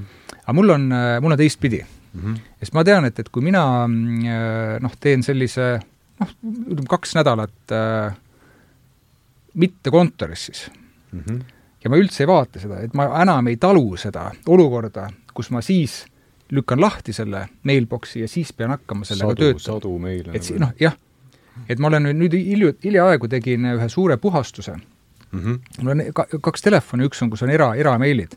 tegin suure puhastuse, et uh, unsubscribe isin ennast, noh, nii palju pahna on kogunenud, et mul enamus aega kulus selleni, et ma kustutasin neid nüüd ma jätsin sinna noh, sellised, mis nagu võiksid, võiksid sinna tulla, see võttis mul aega mingi kaks päeva. Et, et vaadata, noh, sest palju sul päevas tuleb sisse neid? no ma ei, ma ei, niimoodi ei tea, no nüüd ei tule palju, noh, nüüd tuleb noh, tööasju tuleb, tuleb, tuleb nagu tuleb. aga just, et, et, et ta on ja ma, ma ei tea, millal see nagu klikk käis, et, et ma olin harjunud, eks ole, ühtemoodi ja siis, siis mingi hetk hakkas tulema seda kuidagi ma, ma ei taha öelda, et inimesi kasutatakse ära sellega, et teatakse, et sul on ju kogu aeg kaasas, on see mm -hmm. äh, mailbox, on ju mm. -hmm. aga see kuidagi noh, ma, ma arvan, et keegi ei eelda, et ma viie minuti pärast äh, reageerin ja. hetkel, aga noh, see, nagu sina ütlesid, seda ma küll äh, tajun, et, et kui sa ikkagi noh, mingisugusele asjale jätad sellise noh, päevase lõtku sisse, et siis noh, ilmselt juba trummeldatakse, et no mis nüüd on siis, et, et kas ei ole levi või või, või kus sa oled? aga tõesti, need inimesed, kellega mina suhtlen, kui nad lähevad puhkusele, nad vastavad natuke aeglasemalt. Nad ei vasta siis, kui nad tagasi tulevad. Nad vastavad tegelikult. sellist asja, et ma kaks nädalat ei vasta, kuna ma olen puhkusel, ma ei ole kohanud aastaid mm. -hmm. päriselt ka just, ja mul on, mul on ka lihtsam niimoodi. Nad ei võta et... koosolekutest osa, on teada, nad puh-, aga vahest võtavad ka mm, -hmm. eks ole, aga vastavad natuke aeglasemalt. aga noh, see on ilmselgelt tulnud millegi arvelt. et sa ei lülita välja ennast, sa oled kogu aeg sees nojah, ma ise, ise tahaks, tahaks, tahaks loota, et äkki natukene Ja. Lülitan, aga aga, aga aga nii see, aga nii see tundub olevat küll, kui sa niimoodi selle välja ütlesid siin, et see või siis me õpime ennast välja lülitama mitte nädalateks, vaid näiteks kaheks tunniks. see on ka oskus, niimoodi on ka mm. võimalik. et kunagi lugesin, eh, Ellie MacPherson on vist see soolopurjetaja, ta oli mm. päris noor, kui ta tegi siis ühe rekordi, pani üle Atlandi, ma ei tea, mitmekümne päevaga, see vist võtab mõnikümmend päeva. Ellie MacPherson. Ja, ja siis ta rääkis, et kuidas siis käib magamine. ja et maksimaalselt sa saad magada kakskümmend minutit. sest selle aja jooksul võib ilm nii palju muutuda, et sa pead korraks tšekkima uuesti, eks ole, ilmateadet, põhiline nagu ilm. ja sa tõused üles kas või paariks minutiks, et vaatad, ahah, saab veel kakskümmend minutit magada ja siis magad veel ja see, ma arvan, ma lugesin seda asja mingi kakskümmend viis aastat tagasi, see tundus nagu müstika. jah? Aga, aga praegu me vist nagu lähme enam-vähem samamoodi, et eh, noh, kaheks tunniks lülitan ennast välja, hästi kiiresti lähen metsa seal, ma ei tea, vaatan linde, korjan seeni, eks ole, olen ilgelt chill, näed, lülitasin ennast välja. ja siis lähed nagu vaatad korraks. aa, ma saan veel tund aega, eks ole. et praegu nagu noh, ei ole midagi hullu et see kuidagi läheb minust, elu läheb hästi tihedaks, et võib-olla sa puhkad päevas isegi mitu-mitu korda, sa varsti hakkad võib-olla magama kaks korda öösel või kolm korda. keskajal väidetavalt oli niimoodi, inimesed ärkasid keset ööd üles ja siis tegid midagi asjalikku, siis magasid veel kolm tundi mm. -hmm. no munkad on üldse palvetunnid, see jah, võib-olla see tuleb tagasi. no jaa, mis mul äh, seondub sellega, et, et kuidas, kuidas puhatakse, et noh, me käime motomatkadel sõpradega ja siis no me tajume seda, et äh, et äh, vaata seal äh, see, see, see, see puhkuse selline tunne tuleb hästi ruttu peale. sellepärast, et sa ei saa näppida telefoni, ma arvan, see on üks, üks põhjus. sõidu ajal? sa sõid, ei no muidugi, aga me sõidame noh, peaaegu terve päev. siis me jõuame õhtul kuhugi kohale, siis me käime duši all, otsime mingi ööbimiskoha, midagi pole kinni pandud, on ju, tervitan kõiki sõpru muuseas, kes, kes näevad ja kuulevad. ja siis äh, lähme sööma kuskile. siis lähme sööma, teeme väikse, väikse joogi seal ja siis me oleme nii väsinud sellest, me läheme magama. et ei ole sellist aega. ei vaata ka telefoni? või no võib-olla korraks vaatad, helistad äh, noh, või, või saadad sõnumi, et äh, kodustele, et, et vaat oleme siin, kõik on korras, on ju. ja, ja noh, me ise oleme mõelnud, et äkki see on selle tõttu, et, et see on hoopis teistsugune puhkus, on ju. nüüd me käisime perega üle, noh, terve koroonaaeg me kuskil ei reisinud. ja nüüd käisime käisime reisil ja oli küll selline tunne muuseas. seesamas, et, et Dominikaanis. Ja oli küll selline tunne, et, et palju kiiremini kuidagi tuli see puhkuse tunne. et varasemalt oli see, et käisid noh, no korra aastas ikka käisid kuskil mm. -hmm. ja siis oli see, et, et noh, läks, oletame, et läksid sellisele kahenädalasele, oled juba nädal aega ära, siis mõtled, et noh, sa oled ikka kuidagi, vaata, vedru on nagu, nagu sees mm. -hmm. aga nüüd vaata, sa olid harjunud, see puhkus mõjus hoopis teistmoodi. kaks nädalat, kaks nädalat olid? jah, aga see mõjus palju positiivsemalt, et me olime seal mingisugune paar-kolm päeva, just abikaasaga arutasime, näed, et, et täitsa mõnus, et nagu oleks üle kaua olnud mm. -hmm. et sellist asja ei olnud varem mm -hmm. nagu millega sa seda selgitad? ma seda selgitaks, ma arvan, sellega, et, et oli äh, pikk selline noh, ma arvan, võrdlemisi stressirikas äh, segane periood, kus ei saanud reisida, selline see tavaline rütm yeah. kuidagi äh, läks, läks segaseks. seal seda polnud, et aga tegelikult seal oli ka, et, et kogu aeg ei näppinud, jõle kallis oli mm. -hmm. et lükkasid selle noh, neti välja enamus ajast, aga ma arvan, see ei olnud, see ei olnud põhiline. et ikkagi selline kuidagi rütmi, rütmi muutus oli mm. -hmm ja noh, kui sa niimoodi mõtled, et noh, mis, mis siis oli nüüd, kaks aastat ei käinud kuskil, et mis suur rütm, aga ma ikkagi, see on nagu tunnetatav mm. -hmm. jaa, aga ah soo, kui nüüd tulla veel, oleme siin lainetanud siia-sinna, aga et, et veel, et kui seda nüüd, seda olukorda siin õues iseloomustada, et midagi siin tundub värisevat, eks, midagi tundub olevat, või justkui kõik tajume seda, et või, et midagi siin nüüd on ikkagi rappumas, kas? no ei tea, mina vist hakkan kuidagi vaikselt immuunseks muutuma, et vot me rääkisime nendest majanduskriisidest, mis justkui iga mingi kümne aasta tagant pidid tulema mm -hmm. ja siis, kui see kaks tuhat kaheksa oli, siis ma mäletan, kuskilt lugesin või mingit podcast'i kuulasin inglisekeelset, siis kaks tuhat kuusteist, seitseteist, kaheksateist ja väga tõsised analüütikud, täiesti, no mitte niisama, vaid tõsised ütlesid, et noh, mitu korda, et nüüd järgmise kahekümne nelja kuu jooksul, nüüd tuleb selline pauk, et eks mhm. ole. ja selline jutt käis mitu aastat. Seda nagu ei tulnudki, eks ole. mis, mis ajast see oli? kaks tuhat kuusteist algas see vist umbes mm -hmm. pihta, et juba nagu noh, et juba on aeg, on ju. ja märgid on õhus ja, ja noh, pauk tuli hoopis kuskilt mujalt ju, eks ole, kuskilt, ma ei tea, bioloogiast, meditsiinist, et et ma hakkan kuidagi immuunseks muutuma, et noh, mis pauk et äkki selline väike paugutamine, et see on nagu täiesti normaalne, tavaline, kui vahepeal tulebki mõni väike majanduspaugukene ka, et ma ei kujuta ette mingit suurt pauku, noh, tuumasõda oleks nagu suur pauk, mille, mille kohta võiks täna öelda, et see on nagu suur minu silmis suur, suur, suur. aga mingisugused muud asjad, ma ei tea, mida sa, Hardo, näed, mis, mis paugud võivad tulla? Lisaks sellele, mis praegu käes on? no ma arvan, et see inflatsioon on endiselt hea kandidaat, ma arvan. et see on suur pauk? Mm, ma arvan, et see võib ikkagi korralikult jah, seda asja niimoodi viia uude reaalsusesse mingil määral mm. -hmm. jaa. Olen... USA, USA riigieelarve defitsiit möödunud aastal ei ole olnud nii suur pärast teist maailmasõda.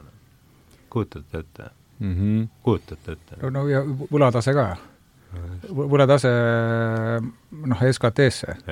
noh, tänaseks peaks olema juba rohkem. ma olen selle kohta ka lugenud, ma ei mäleta, kas ma, kas me rääkisime siin siin podcastis, aga või, või rääkisime sinuga telefoni teel. James, James Rickards. oh just, teda ma lugesin ka. vaata, vaat see mulle meeldib, et tal on äh, tal on, äkki, äkki oli selline triloo-, ma olen lugenud Road to Ruin mm -hmm. ja Aftermath on, on ja. nüüd viimane aga seda Currency Wars oled lugenud, ei ole? Currency Wars ei ole lugenud. ja seda ma rääkisin telefonis. see vist oli, äh, oli kõige esimene tal. jah, siis ma lugesin ka ma seda oma, oma esimest konspekti kirjutasin. jaa. ja noh, need on äh, see, see Road to Ruin ehk et teekond siis hukatusse või, või see on võrdlemisi vana raamat juba. aga selle, selle James Rickardsi taust on see, et ta oli äh, äh, selline ettevõte oli USA-s nagu Long Term Capital Management. jah tuhat üheksasada üheksakümmend kaheksa? Äh, see oli Läks äh, minu meelest. see Vene oli jah, Vene kriisi ajal äh, ja see päästeti siis ära. Black and Myers olid vist, mõlemad olid seal nõukogus, eks ole, Nobeli see, see, jaa, et sellest oleks, ta, seal oli niimoodi, et äh, selle ettevõtte, see oli hedge fund. ja sellel oli äh, siis kakskümmend viis korda üle oma varad, üle oma kapitali oli siis võimendust peal. et kardeti, et kui see nüüd kukub, siis läheb kogu et siis on, äh, siis on nagu täiesti kosmos. sa mäletad seda või? mm. -mm et nad olid hästi uhked selle üle, et neil oli noh tead, mis udupeened mudelid? mudelid, tehnoloogia, arvutid, ma ei mäleta, kus neil see peakontor oli, see oli ka kas, kas Connecticutis või kuskil, hoopis, hoopis teistsuguses kohas mm. kui, kui New York ja siis see James Rickards oli seal, noh, ta on ühes raamatus siis andis edasi, et mismoodi see päästmine käis ja ta, ta oligi vist head of legal või mingisugune selline noh see on Aftermathis, jah? ei, see oli seal Road to Ruinis. Ja tema, tema on seda inflatsiooni teemat äh, noh, mõlemas äh, hästi palju äh, käsitlenud. ja noh, ta, ta mõlemas raamatus jõuab selle kulla, kulla mm -hmm. standardini ja. välja, eriti selles Aftermathis siis, et ma neid numbreid äh, ei mäleta, kas ta oli, ta oli arvutanud seal äh, või noh, kogunud infot, et kui palju mingitel riikidel on kullavarusid. Äh, no miks ta seda, seda analüüsis siis ja uuris, on noh te,, tema nagu selge nägemus on see, et noh, kogu maailma need valuutasüsteemid, mis täna on, ei ole jätkusuutlikud mm. -hmm. peaasjalikult selle võlgnevuse no numbritest me äsja rääkisime. jaa, et võlatase on, on nii suur, et, et see noh, peab tema sõnul lõppema pauguga mm. -hmm. ja kui see lõpeb pauguga, et siis, et noh, mis, siis ta otsib nagu võimalusi, et, et millised või mille, mille vastu ja. peaks siis selle uue mm -hmm. loodava mingisuguse noh, maailma valuuta, maailma valuuta äh, siis äh, hedge ima. ja ta jõuab kullani. et kas see kuld on nüüd noh, nüüd see on maitse asi juba, et, et mitu, mitu protsenti siis sellest peaks see moodustama äh,, ja ma olen nagu selle peale, selle peale päris palju mõtisklenud. et äh, noh, me rääkisime sellest USA-st, et USA võlg, äh, prognoos on, äh, on selline, et seal on praegu on sada prossa SKT-st on, on USA-s võlg. Kuidas nad said jagu sellest Teise maailmasõja võlast mm, -hmm. oli ju see, et ja kusjuures enne seda on ka niimoodi olnud ju, et, et nad on laenanud peaasjalikult selle tõttu, et nad on sõdinud kellegagi mm. -hmm. siis nad on selle laenu tagasi maksnud mm, -hmm. siis on nad jälle kasvatanud majandust, siis on jälle võtnud, võtnud laenu, siis on sõdinud jälle mm -hmm. ja nüüd pikalt-pikalt-pikalt. ja siis käest läks ära äh, maailmas, teise maailmasõja jooksul mm. -hmm. siis ta hüppas üles ja mis siis tehti? väga lihtne, eks ole, noh, sina tead eriti hästi, et mis, mis peab tegema, teoorias on see ju noh, paberi peal väga lihtne, sul on inflatsioon mis ei läinud käest ära muuseas, väidetavalt, nii palju kui ma olen lugenud, et inimesed seda väga ei tundnud mm. -hmm. sul oli väga tugev majanduskasv, aktsiahinnad läksid üles, inimesed sa räägid nüüd pärast sõja, pärast sõja pärast seda jah, et kuidas ja. nad said sellest sajaprotsendilisest äh, mis oli siis sama palju, kui oli nende see majanduskasv, kuidas nad said võlast lahti mm. -hmm. majanduskasv äh,, aktsiaturud olid hästi tugevad, eks ole, ja Keskpank hoidis intressi kogu aeg natukene allpool mm. -hmm ja siis kahekümne aastaga nad tõid selle saja protsendi pealt neljakümne peale. jah, ja siis läks lahti uuesti. ja, ja siis, see oli siis kuuekümnendate keskel, see oli niimoodi, et siis tulid need sise, see lepp, see rassi leppimine seal läks, see läks sise ja need asjad, jah. seda seitsmekümnendateks oli umbes kümme, eks ole, ja kaheksakümnendateks oli kas neliteist või viisteist protsenti. Mhm. oli inflatsioon ja noh, praegu, eks ole ja minu arust kas kaheksakümne aasta alguses ei käinud USA-s isegi kahekümne peal ära või? vot seda ma ei tea, mul on, mul on, mul on kuskil, kahekohaline. lugesin, et oli, oli jah, et jah, üle kümne, et, et pigem seal kuskil, kuskil viieteist peal, eks ole. jah. ja siis tuli Paul Volcker, kes ta pani pidurit. jah ja.. aga kuidas, kuidas ise praegu tajute inflatsiooni? Armin, mis sina, kuidas tead, ma olen väga kehva selle koha pealt, üldse tajumise koha pealt, et äh, noh, makroökonoomika, ma, ma jagan vähe, ma, ma, ma ei taju. üldse selles mõttes no,, et tean, poes näiteks, käies, et paned tähele, et on ma, ma, ma ei ole poes hinnavaataja mm, -hmm. toidupoes, aga kui sa hakkad aga bensiinijaama, bensiinijaamas paned ikka tähele? seda sa paned tähele. seda on ka nagu, ma, jah koos on ta seal üks koma üks, üks koma neli, kaks, eks ole, et kuidagi nagu paned tähele, aga see nagu paneb, kaudseselt nagu ei puuduta, kui sa praegu hakkad näiteks endale kodu ehitama, no siis sa paned seda ja, väga tähele. Mm -hmm. et kas sa saad ehitajaid, kas nemad saavad materjale, mis hinnaga need materjalid tulevad, on siis kas üldse tulevad? jah, või kui sa tahad täna autot osta või noh, see on juba viimased paar aastat, see oli, eks ole, mitte inflatsiooni, vaid koroona pärast oli siin probleemid siin tarneahelates ja nii edasi, et et seda paned tähele, aga ma ei tea, mida, mida veel on võimalik tähele panna, ma ei no need ongi ju tegelikult väga suured, suured asjad kõik. ja ma arvan, ma arvan, et hakkame no, elektri hind möllas siin, eks ole, meil, seda me panime kõik tähele, ma arvan. aga mis, mis on noh, veel üks näide on ju, et, et mis on tulnud kuidagi hiilivalt, et miks, miks on niimoodi, nagu sa ütled, et me oleme kuidagi ära harjunud sellega. see kaks tuhat üheksa aastal, kui siis hakati lappima seda kriisi mm, -hmm siis oli USA keskpanga siis bilanss oli kaks triljonit. Art Laffer mm, -hmm. Laffer Curve on ju. jah, aa, seesama, jah. tema oli siis Reagani, ta oli Trumpi oma nüüd ka mm, -hmm. tema, ma otsisin kuskilt välja, mis tema arvas selle kohta, ta ütles kaks tuhat üheksa aastal, et noh, mehed, pange ennast nüüd valmis. et see inflatsioon, mis nüüd tuleb, et see seitsmekümnendate kümme, üksteist protsenti on selle kõrval poisike. ta ütles seda kaks tuhat üheksa aastal, sest ta nägi, et eh, noh, tema arvates trükitakse ja. liialt palju. ja siis ta läks trükivallas lahti? jaa. palju on täna? kaheksa.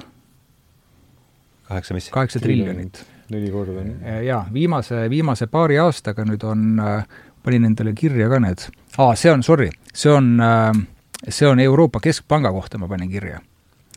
aga nad sisuliselt, need, need jõnksud on samasugused et äh, nii, nii Fedil kui, kui siis Euroopa Keskpangal, et ta viimase kahe aastaga, see oli Euroopa Keskpangale triljon aastas mm. -hmm. üks triljon aastas ja, ja nüüd on äh, on kaheksa triljonit, et kahelt triljonilt kaks tuhat üheksa täna, täna kaheksale. ja kui me mõtleme, et, et mis seal äh, vahepeal siis no nii väga juhtus, et oli vaja no mis, mis kriisid meil olid siis tegelikult nagu suurt, suurt nagu polnudki, et, et lihtsalt on äh, väga madalad intressid, olematu inflatsioon, no sellest me võime ka muidugi siin rääkida, et, et kas ikka oli olematu inflatsioon. ja, ja selline pidev, pidev äh, noh, selle, selle soodsa või, või, või odava, ükskõik kuidas me nimetame, kerge rahasüsteemi pumpamine. ja mina küll arvan, et äh, et seda ei, ei tunne võib-olla praegu, aga kui sa nagu loogiliselt äh, noh, üritad seda kuidagi nagu äh, noh, põhjendada endale, et, et miks on see normaalne, et kui sa oled nagu nii palju tühja, noh, see trükk on ka tegelikult vale sõna ju, tegelikult sul lihtsalt ju pannakse mingisuguseid äh, trüki, trükitakse hiljem, kui on paber. kandeid on ju äh, arvutites äh, muudetakse, on ju. kirjutatakse ruudulisse vihikusse nulle juurde lihtsalt. jah et, et, et kuidas sa sellest nagu välja tuled? et vaata, noh, on öeldud, et äh, et küll on, küll on see inflatsioon, on maks, on ju, mis tuleb üle jõu elamisest või äh, või, või, või, või midagi muud, aga noh, mida praegu ju äh, USA-s, eks ole, noh, täitsa tipptasemel riigijuhid ju räägivad, et et see nii-öelda see modern monetary theory mm -hmm. ehk et see moodne äh, mis ta on siis eesti keeles, rahandusteooria või mm, -hmm. et see ongi normaalne. ja mis ta noh, niimoodi lihtsustatult äh, ütleb, on ju see, et, et kui äh, kui valitsus laenab siis äh, trükitavat raha, et see ei saa mingit inflatsiooni kaasa tuua, sellepärast et ja ega, ega mingisugust ebavõrdsust, on ju, et sellest ju valitsus kulutab niimoodi, et kõik saavad sellest kasu. see on ka teadus või?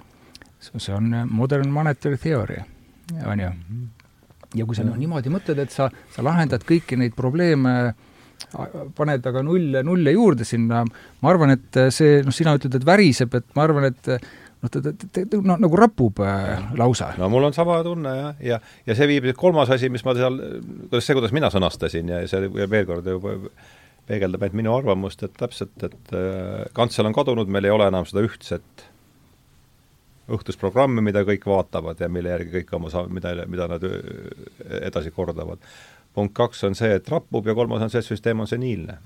see on minu, minu kokkuvõttes, et vaatame nüüd seitsekümne nelja, mis ta on, üks on seitsekümmend neli, teine seitsekümmend kaheksa või? ja nüüd on uus versioon on see, et, et kõige, kõige, kummalisem uudis, mida ma jälgin neid üldse vähe, nad jõuavad, et kakskümmend neli ennustavad, et saavad jälle vanamehed kokku seal uues raundis mm. -hmm. aga tekib nagu selline küsimus, et et noh, teid kuulata siin ja üldse niimoodi terve mõistusega majandusinimesi kuulates, eks ole, kõik näevad seda samamoodi, et kuule, et väga ohtlikut asja ehitatakse siin, eks ole, pumbatakse, trükitakse, pannakse neid nulle sinna juurde, aga ometi neid otsuseid teevad ju mitte robotid, vaid inimesed mm, -hmm. eks ole.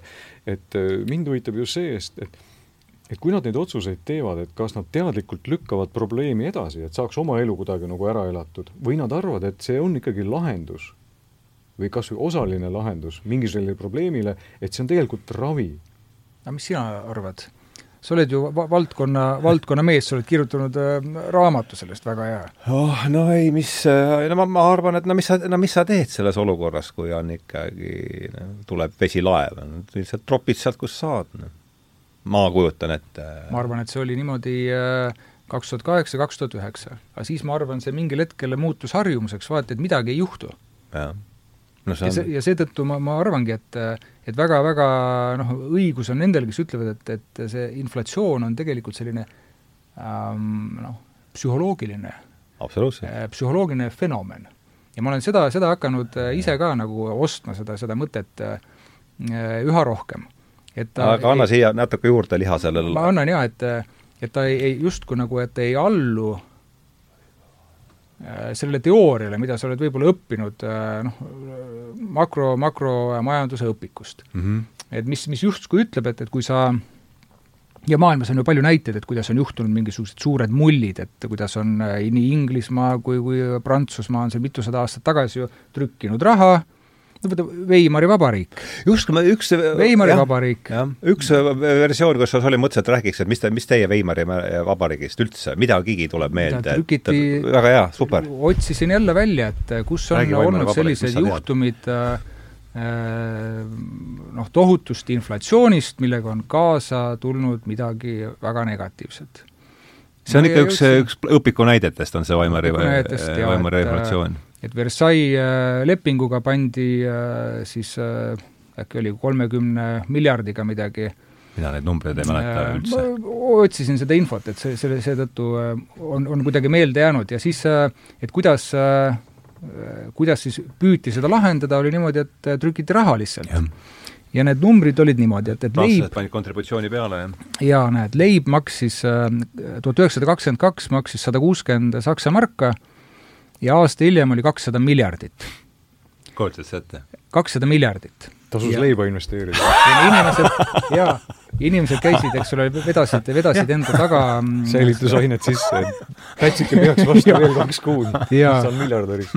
ja, ja siis mõtle, tol-, dollar oli väärt neli koma kaks triljonit, triljonit marka. Mm. et see on see no hüper, hüperinflatsioon, eks.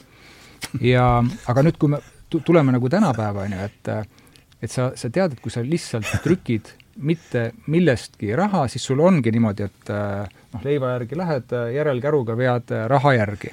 aga nüüd vaatad, et näed, noh, nagu sa ütlesid, et jama on majas, üritati seda niimoodi ravida, ma arvan, et see kaks tuhat kaheksa, kaks tuhat üheksa võib-olla lahendatigi õigesti ära. aga nüüd vaatad, et ütleme, see Euroopa Keskpanga näited oli kaks triljonit, siis oli neli triljonit, siis oli kuus triljonit nagu pole inflatsiooni, et samas õpiku, õpik ütleb, et äh, noh mm -hmm., majanduskasvu pole, äh, intressid on madalad, et kus see inflatsioon siis on, et, et miks seda ei juhtu? noh, ma oma, oma erialast ütlen, et äh, oli küll. ja seda on varad, kõik on varadesse läinud. jaa, ja sellest ma ka ei saanud alguses aru, et, et mismoodi, et, et vara hindades, et kuidas ta sinna läheb. ja siis ma sain aru, et, et tegelikult selle vastu ei olnudki tegelikult nendel otsustajatel mitte midagi et ta läheks varahindadesse. et mis siis juhtub, et äh, kui see läheb va-, ja mis on vara hind, on ju, et noh, ta ei lähe kohe leiva hinda, et seda me näeme ja, praegu. selle tõttu, et sul energiakandjad lähevad kallimaks. aga aktsiad ja kinnisvara. ja kui sul on neid, sul on mega hea. kõigile sobib. väga hea. mis teeb seda varanduslikku polariseerimist ja ainult veel äh, just nimelt, aga, aga vaata kütab juurde. jaa, aga, aga see tekitab tunde, et sul on äh, väga hästi sa oled kuidagi jõukam ja ma, ma, mina olen niimoodi aru saanud, et miks sellele väga nagu vastu keegi ei olnud, et, et pigem nagu soodustati, et, et et see paneks inimesi siis tarbima, on ju, mhm. et sul on aktsiaportfell paisub, sa vaatad, et kinnisvara on samuti paberi peal on äh, kallimaks läinud, et sul usk, kindlustunne ja. tuleviku suhtes ja, see, paraneb nimetati wealth efektiks omal ajal vene või selle no aga tundub, et kõik on ju hästi. Et, et kui see mull ei lõhke, vaid seda ongi võimalik kogu aeg vaikselt täis puhuda, et siis see nagu ei ole, et noh, et see on nagu probleemi lahendus ja pro-, ja, ja paugu edasilükkamine samal ajal. ja kui keegi mm -hmm. mitte midagi kavalamat välja ei mõtle, siis et noh, kui kahest sai, eks ole, kaheksa peale, ma ei tea, kümne aastaga, miks me järgmise kümne aasta pealt ei saa kaheksast näiteks hmm. kaheksakümne peale? Tuli meelde sellesama Erik Davise, see oli niisugune kellest keda ma siin alguses tsiteerisin, see viroloogiline tripp tuleb temast, ta poetas ühe lause, mille peale tegin niimoodi vau. et ta ütles niimoodi, et nagu muuseas, et kus me üldse võtame, et seal kõigil meiega midagi pistmist on jah, väga wow. hea küsimus minu arust. jah. et aga, äh, see moment ka veel, et mis teie sellest aga, aga sulle, noh, vastates on ju, et, et et siiamaani ei olegi siiamaani tundub, et, et ei olegi midagi olnud sellest. aga vaata, me hakkasime ju rääkima, et mis, mis tähendab see psühholoogiline fenomen. jah, sellest hakkas pihta, jah. et, et sa vaatad, et, et midagi pole juhtunud, et pigem on, kõik on ju hästi. justkui, on ju. no kas kõik, aga väga palju. no jaa, et, et noh, vähemalt sul elekter, ei ole sellist elekter on sees ikka, see on jaa. ikka väga hästi. aga mis, mida seesama, see James, James Rickards kirjutab, on ju, et et kui sul toimub rahatrükk, noh, nagu on toimunud, ja vaatad, midagi, midagi ei juhtu sellest. et leivahind läinud läks üles nagu me jaa, noh, läks kahekümnendatel, on ju. et sul on, on sisuliselt kaks asja, et mis teevad selle psühholoogiliseks. et sul on see, et äh, kui kiiresti see raha vahetab siis äh, mis on siis velocity, on ju, et kui kiiresti ringluskiirus. ringluskiirus, kui, kui kiire see on. ja teine on usaldusväärsus ehk et äh, mis, mis ta pidas silmas sellega, et kui kiiresti ma tahan oma raha vahetada mingi muu asja vastu mm. näiteks leiva vastu. kahekümnendatel oleks leib olnud no kui, ja kui on hüperinflatsioon, siis me üritame rahast lahti saada nii kiiresti kui ja, võimalik, sest see just. ju kaotab äh, sekundite ehk et, et sa ei, sa ei tunnetagi seda selle tõttu, noh, paljuski on ju, et sa ostad omale selliseid asju ma ei tea, kulda ja, ja. just äh, üks päev vaatasin, et Davidis öeldi, et äh, andke aega, et, et noh, nii palju tellimusi on hmm.. et samad aktsiad, eks, et seda on äh, äh, kui me mõtleme, et noh, viimased, ma ei tea, kolm-neli, võib-olla isegi viis aastat on sellised maailma juhtivad äh, aktsiaindeksid olnud kuskil noh, kümme, kümme protsenti on lahja tootlus. mis nad viimasel ajal üldse teinud on? kolmkümmend, nelikümmend. kolmkümmend, noh, Nasdaq sada oli üle neljakümne protsendi ühes aastas mm. -hmm SB viissada on kolmekümne viimastel nädalatel on siin püsinud, pole kuulda olnud, meil mingisugune kisa oleks. väga, väga, väga, väga hull ei ole. et äh, noh, kui sul on ikkagi ühes aastas see noh, võrdlusmomendiks lihtsalt, et, et kahesaja aasta keskmine on olnud seitse protsenti. Mhm. seda peetakse selliseks nagu normaalseks see on see benchmark, kuus koma midagi protsenti. ütleme, mitte, mitte kahesaja aasta. tuhat kaheksasada algusest on, on seda välja arvestatud. aktsiatootlus, jah? aktsiate tootlus, jah mm. -hmm see on siis kogu maailm noh, seitse prossa, jah. seitse prossa. ja nüüd me oleme justkui nagu ka ära uinutatud, et, äh, et sul on viissada suurimat äh, Ameerika ettevõtet, noh, kakskümmend, kolmkümmend protsenti peaks olema selline nagu normaalne. ja see, noh, mina väidan, et seal on, ma ei tea, kui palju, aga see inflatsioon seal ongi. see inflatsioon on seal sellepärast, et inimene tahab oma sellest rahast lahti saada, selle tõttu, et äh, ta ei ole enam usaldusväärne ja, ja seetõttu ma ütlengi, et et see inflatsioon, seal on, on teisi tegureid samamoodi, aga see lõpuks jõuab minu arvates see see, see bilansi paisutamine ikkagi, ikkagi nüüd kohale. seal on teine, teine moment ka muidugi, et et praegu justkui vaata öeldakse, et inimene suudab keskenduda ühele asjale reeglina mm, -hmm. nüüd on sõda, eks. tegelikult inflatsioon oli meil ju äh, Euroopa kõige kõrgem oli juba detsembris, jaanuaris, mingit no, sõda USA-s on, USA-s on viimase neljakümne aasta kõrgem nüüd olnud juba see oli enne sõda. see oli enne sõda. Euroopas on ju see noh, administratiivne rohepööre, eks. mis mina, mina ütleks, et on üks, üks põhjuseid, mis on äh, tekitanud olukorra, energia hind oli väga kõrge juba noh, sinna aasta lõpus, eks. kui tulid, tulid suured arved, eks.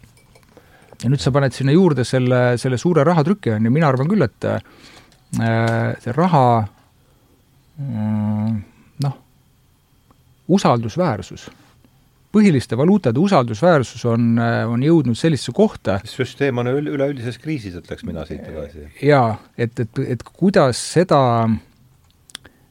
kuidas seda kokku lappida lihtsalt niimoodi, et, et öelda, et et me siit edasi läheme nüüd kuidagi äh, ma, ma ei tea, tõuseme püsti, rapu-, põlved, põlved tolmust põlved tolmust puhtaks ütleme, et me oleme nüüd selle kriisi kuidagi äh, selja taha jätnud ja ma, ma, ma lihtsalt ei, ei, ei näe seda. jaa, aga Arvi, sa, kas sa äh, sellest äh, Vene rubla aja inflatsioonist mäletad midagi või, niisugust markantsemat? ei mäleta ausalt liiga, me olime ikka liiga noored seal. kuradi talongid seal olid mingi hetkel ka mingi ülemineku aeg, aga see vist oli juba see Eesti aja algusel, aga tegelikult ei mäleta väga.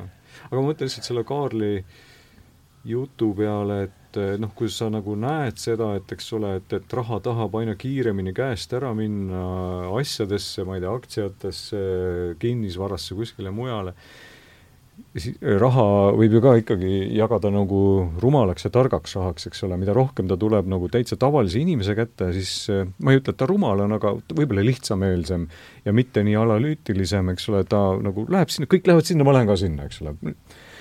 aga äh, et nagu ühel hetkel, kust see pauk siis tuleb, et need varad nagu kuumenevad totaalselt nagu üle ja siis kisuvad mingisuguse ma ei tea, jälle mingi pangandussektori endaga kaasa, mida me nägime siin viimati, midagi sellist või? et kus see, kus see sisin algab siis? no vot, ma ei tahaks isegi prognoosida, sest kõik, kõik, mis on prognoositud viimase kümne aasta jooksul, ei ole ju täide läinud. võtame lihtsalt veel ühe näite, et vaata, et äh, ma peaksin sind küsima, sest ma ise ei tea, aga näiteks kui sa lähed paarkümmend aastat tagasi, et millised olid normaalsed PI suhtarvud äh, turgudel, no mm. kümne kanti või? Noh, see, see oli see äh, India tulu, jah? jaa, sektoriteti äh, erinev. aga mm, ma jään sulle praegu vastuse võlgu, äh, mis ta, et kui palju ta on äh, tõusnud nüüd äh, jah, kümne-kahekümne aastaga aga ma arvan, et keskmised on kogu aeg nagu tõusnud. sest, sest raha on läinud odavamaks. täpselt, et see nagu, tähendab ju raha ja, ja lõpuks me lepime viiekümnese PI-ga ka, ehk siis viiekümne aastaga sul nagu price per earnings midagi taolist, eks ole. kui leim maksab kaks triljonit, siis on ju, mis siis meil noh, ja et, et aga see on sama asi kuidagi. ongi, aga see ongi, et, et miks, miks sa oled äh, nõus leppima sellega? sul ei ole nagu kuskile mujale panna teda just. nojah, et ja see on ju noh, hakkab pihta ikkagi sealt, kus on äh, noh, suured institutsionaalsed investorid, on ju, et, et miks, miks sul täna, ma ei tea, selliseid noh, miljardi ettevõtteid tuleb noh, iga, iga nädal loed uudist, et kuidas see kaasas nii palju raha, see kaasas nii palju raha, need on ju noh, kõige riskantsemad ettevõtted üldse, on ju. Mhm. ehk et sul on, sul on suured fondid, suured institutsionaalsed investorid, kes on täna valmis võtma riski, et teenida sisuliselt sedasama tulu, mida ta oli, oleks võib-olla teeninud kakskümmend aastat tagasi äh, noh, poole väiksemat äh, riski võttes mm. -hmm. ehk et see on, see on see otsene resultaat äh, täna sellest, et sul on äh, sisuliselt noh, kümme, kümme aastat süsteemi ujutatud rahaga üle. noh, kuulaja mõtleb, et mis mõttes, et mind pole keegi ujutanud, on ju. aga seda peakski nagu nii, niipidi vaatama, on ju, et kui keegi maksab äh, noh, ettevõtte eest täna kaks korda rohkem, äh, kui ta oleks maksnud äh, noh, ma ei tea, mis iganes aastad tagasi, et kas see väljavaade sellel ettevõttel on kaks korda parem täna, noh, väga tihti ei ole. et lihtsalt see, seda, seda otsitakse, seda alternatiivi ja, ja kust see pauk tuleb, noh, ma, ma ei oska sulle vastata. et täna noh, tundub, et sul tuleb, noh, nagu sa ise ütlesid, et, et pauke tuleb kogu aeg igalt poolt, et et koroona ajal oli, olid probleemid, olid tarneahelatega nüüd äh, pane see sõda sinna otsa, ma isegi ei tea, kui palju täna maksaks, kui tahaks hakata äh, maja ehitama versus aasta aega tagasi. et millega üldse oleks, oleks mm. vaja arvestada.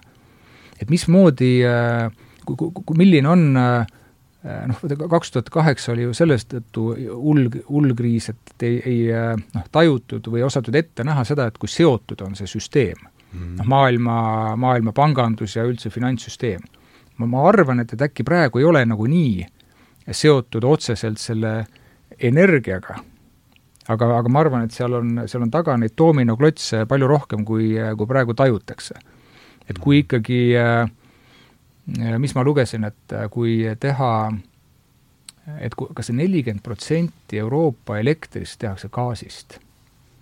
Äkki oli niimoodi? ja muidugi nüüd hakkab ja, ja kui sul nüüd on äh, vaja see väga kiiresti ümber rullida, näiteks LNG peale, siis äh, noh, orienteeruvalt see elekter võiks minna kallimaks kuskil viis-kuus korda. nii, et mida see endaga kaasa toob? -hmm noh, me nägime, eks ole, oli nagu täielik jama oli ju detsembris ja jaanuaris viis-kuus korda tundub väga palju no ma lugesin sellist, pole, pole analüüsi teinud, äh, äh, seal viidati nagu sellele, et äh, et esiteks sa ei saa seda kättegi mm. -hmm. täna. defitsiit tõstab veel ka omakorda. jah, et, et, et sul on noh, mingid piirkonnad järelikult peavad ilma jääma. et mhm. kui Euroopa tahaks kõike, kõike lahendada sellega, et ma arvan, seal on selliseid nii palju seotud äh, Äh, probleeme, mida, mida ei oska hetkel isegi ette kujutada. nojah, aga nüüd on, üks võimalus on, et see Malthuse probleem on, nüüd hakkab kätte jõudma, et on see ikkagi looduspiirangud hakkavad kogu seda süsteemi, ütleme, ressursside kogu see piirang hakkab meil siin ja, ja mulle tundub, et kogu see üleüldine ärritavus ja, ja ja see, noh, veel kord ma siin mitu, mitu korda seda rõhutanud, aga et kui kaks tuhat kuusteist see oma puhvet sai püsti pandud, et siis see käimalükkav küsimus oli ikka, et see, kus see, kust tuleb see suur ärritavus, mis oli, noh, mida mina tajusin kaks tuhat kuusteist, et oli niimoodi juba laes, aga sealt, sealt oli kahe tuhande kahekümne või kahe tuhande kahekümnendani veel neli aastat minna. et mulle tundub, et see on mingi selline, üks, üks on see, mis äh, sa, Armin, hästi välja tõid, et noh, me oleme kogu aeg ühenduses. see tekitab ilmselt mingi psühholoogilise surve Äh, ja, ja teine on ilmselt ikkagi see, võib-olla see tundmine, et, et ressursid ammenduvad ja asi on, asi jookseb mis kinni. mis sa, Kaarel, rääkisid, et, et ma ei tea, suured institutsioonid, ma ei tea, pangad näiteks, eks ole, investeerimispangad, investeerimis mingisugused fondid, et selleks, et saada sama tulemust võrreldes, ma ei tea, kümne-kahekümne aasta taguse perioodiga, sa pead lihtsalt võtma suuremaid riske mm. -hmm et, et, et see ise on mingi hästi tõsine märk minu arust tegelikult. ja see, see rahatrükk nagu, surub selle peale, eks ole. just, et rohkem rohkem riskida, et kui sa tood selle, ma ei tea, tavalise inimese tasandile, näiteks kui sa oled nagu sportlane, kus on, eks ole, keelatud võte on nagu doping mm, -hmm. et näiteks, eks ole, noh, sa jooksed sealt sadat meetrit, ma ei tea, üheksa sekundiga, ja nüüd, et saada nagu natukene nagu, ma ei tea, üks sajandik veel et ma pean kolm korda rohkem dopinguga riskima näiteks, eks ole, veel üks ja veel ja veel, et äh, kuidagi lihtsalt paralleele tuues äh, selle loodusliku maailmaga ja jooksmine ikkagi on nagu looduslik maailm ja punktist A punkti B ja me mõõdame aega, palju aega läheb, et äh, see näitab, et me oleme nendele piiridele nii kuradi lähedal et neid piire otsida justkui pole nagu pointi enam, mis vahet seal on, kas inimene jookseb üheksa või kaheksa sekundiga. et kui sa vaatad neid autosid, eks ole, minu arust on nagu nonsenss juba mingi pool sajandit tagasi on see nonsenss, et kas sa kiirendad sajani, ma ei tea, viie sekundiga või kolme või kahe koma kaheksaga, eks ole, et uus sekund justkui, tegelikult see ei oma mingit, mingit nagu olulisust meie elude jaoks, aga selle nimel võetakse ka aina rohkem riske pane tavaline inimene autosse, kes eh, kiirendab kahekümne kaheksa sekundiga sajani, see on väga riskantne. lasta selline loom meile siia kuskile sõitma, on ju. sest et piirang on sada kümme, aga ta jõuab kuradi sajani natuke liiga kiiresti, on ju. et see, kogu see meie mõttemall, et me, et klots on juba praktiliselt põhjas. ja et kuhu nüüd edasi ilmselt see on see suur küsimus, see, see ongi hästi, see, see vist ongi see kõik see, millest sa alustasid, et tegelikult on nagu klots põhjas, kõik ragiseb, eks ole, see on nagu sul on no, kosmoselaev, mis paneb, kõik gaas on põhjas, kõik on nagu punases, et me ei saa liiga kaua justkui sõita niimoodi, kõik peaks nagu, ma ei tea, puu vastu taevast lendama. Mm, -hmm. kuidas on võimalik hoogu maha võtta, et mootorit mm -hmm. natukene nagu jahutada, kas me oskame seda, äh, nüüd harjume sellega ära, eks ole, et ühest kohast tuleb üks pauk, teisest teine pauk, aga see tähendab, et nagu klotsi ju tagasi ka ei võta, on ju, et ikka nagu väriseb et äh, ma ei teagi, kas me üldse oleme võimelised seda pauku ennetama või siis see pauk äh, lihtsalt ei ole vii-, piisavalt tugev veel olnud, et visatagi meid nagu ma ei tea, poole väiksema kiiruse peale. ja noh, üks on jällegi see, et noh, mis üldse meie võimuses on jaa, noh see, on veel sama minu arust see tehnoloogilise selle... arengu näide, et eks ole, iga järgmine vidin mõtleb, et ma olen lollim. jaa, sellest me rääkisime. et äh, see on ka nagu hästi ohtlik trend minu arust. Minu viimane markantne kogemus äh, Gmailiga on, vaata ta viskab sinna eesti keeles. Ta viskab need punased joonid ja et kui midagi valesti. Kirjutasin kümme. Ja tuleb joon alla, siis vaatan, mis masin pakub, ütleb kolm. Tema on juba aru saanud, et, et võta vähemaks, Ordo, ära jama. see oligi nii milleks sulle kümme, äkki saad kolmega hakkama? no jaa, ja vaata see, mis me ju alguses rääkisime sellest tehnoloogiast, et et sul ongi, sul otsib, raha otsib äh, kohta mm, -hmm. kus äh, ennast kasvatada, ja siis sul noh, tuleb ju pakkumine tuleb kohe, kohe peale, et, et kujuta ette, sul on ju noh, millised sellised noh, startup keskkonnad on ju noh, üle maailma loodud mm. on ju, kus, kõik lahendavad mingisuguseid maailma probleeme, on ju siis äh, tehakse uus ettevõte, mis lahendab selle eelmise pro-, lahenduse tekitatud probleemi. puudusi mingeid, jah. jah, ja siis sul noh, see raha, eks ole ju, ta läheb ja läheb ja läheb ja läheb sinna, eks hmm.. et nii kaua ma arvan, et kui äh, aa, ja mis on veel huvitav, eks ole, et et kui sa võrdled nüüd USA ja Euroopat, siis mis USA-s toimub täna, on ju, nad, nad üritavad pidurdada mm -hmm. praegu. ja see on, ma arvan, huvitav, huvitav vaadata, et kuidas läheb see pidurdamine. ja nad üritavad, jah? aga ega, aitäh, ega nad ei ole tõstnud veel ju? Ehm, ma sain aru, et, ma sain aru, et äh, otsus tehti, et äh, tõstavad, jah? otsus tehti, et tõstavad, jah. ja siis jäi, vaadatigi, et vaadatigi, et mida turud teevad. Paul, Paul pidas kõne ja et, et turud nagu äh, võtsid selle vastu kuidagi rahulikult mm -hmm.. noh, ühesõnaga, et intresside, intresside tõstmine. ja no ma töötasin äh, panganduses kaks tuhat kaheksa, siis kui oli pauk ja mina mäletan, ma olin Unikreditis ah,, ma olin ennem olin äh, Swedis ja Unicredit oli Itaalia pank mm. -hmm. ja noh, meie mäletame või noh, tajusime ja kuulsime pidevalt seda, et äh, noh, mis teie pangaga nüüd juhtub, et teil on Itaalia, Itaalia läheb ju pankrotti, eks. aga täna noh, eriti keegi ei räägi ju enam nendest võlatasemetest, mis Euroopas on. et need on muutunud nüüd sealt alates kahe tuhande kaheksandast äh, mitte paremuse poole. ja, ja, ja, ja, ja seal on niimoodi, see ei ole nagu teema justkui enam. see pole üldse teema. ja, ja miks, mina, mina küll ei näe, et Euroopa Keskpangas saaks teha samasugust trikki. kas te mäletate seda, et äh, siis küsiti minu käest ka veel igasugu neid majandusarvamusi, et äh, oli ju järjest oli, ma sain iga mingi poole aasta tagant korra või kaks vähemasti pen-, mis saab pensionitest mm. -hmm. mis, kus on, kus on pen-, seda probleemi pole ka enam, noh kuule, aga siis on niimoodi, et kui mõne aasta pärast tuleb uus viirus, näiteks koledam kui praegune, me suhtume sellesse samamoodi kui Itaalia võla kasvu, et noh, mis kurat. ja ma olen no, ei tea jah, ei tea jah. aga vaata, seal ongi, et äh, ma olen mõelnud, et kui, mis, mis te sellest mõttest arvate, et kui nüüd ikka ei tule midagi järjest jälle midagi uut uuesti, uut peale, et kas siis puhutakse veel viiruse äh, Maaniale veel üks äh, see raud otsa või mitte, mis teie arvate, lihtsalt ega ei ole, saab näha muidugi oota, mida sa mõtled? ma mõtlen seda, et kui, kui nüüd ei tule mingit uut äh, paanikat või hüsteeriat või siis teises sektoris et kas ta, kas on võimalik veel, et pigistava, pigistame veel koroonast välja midagi või midagi see, veel või? mis, kuidas teie tunne on, ega siin ei olegi muud? Mul on selline tunne, et nagu eestlasest väga ei pigista enam, et eestlane on natuke teistmoodi rahvas siin, et me ei ole niisugune paanikarahvas väga mm. -hmm. mina arvan kuidagi niimoodi, see, mis seal Hiinas tehakse, minu arust nagu vale tee on võetud, eks ole, kolm tükki on haiget Shanghai kinni, et et, et see on lihtsalt nagu vale tee ja siis sa jäädki kogu aeg paanikas, sest alati on keegi kolm tükki ju haiget. totaalne sõda surmaga õigustab ju kõike. jah.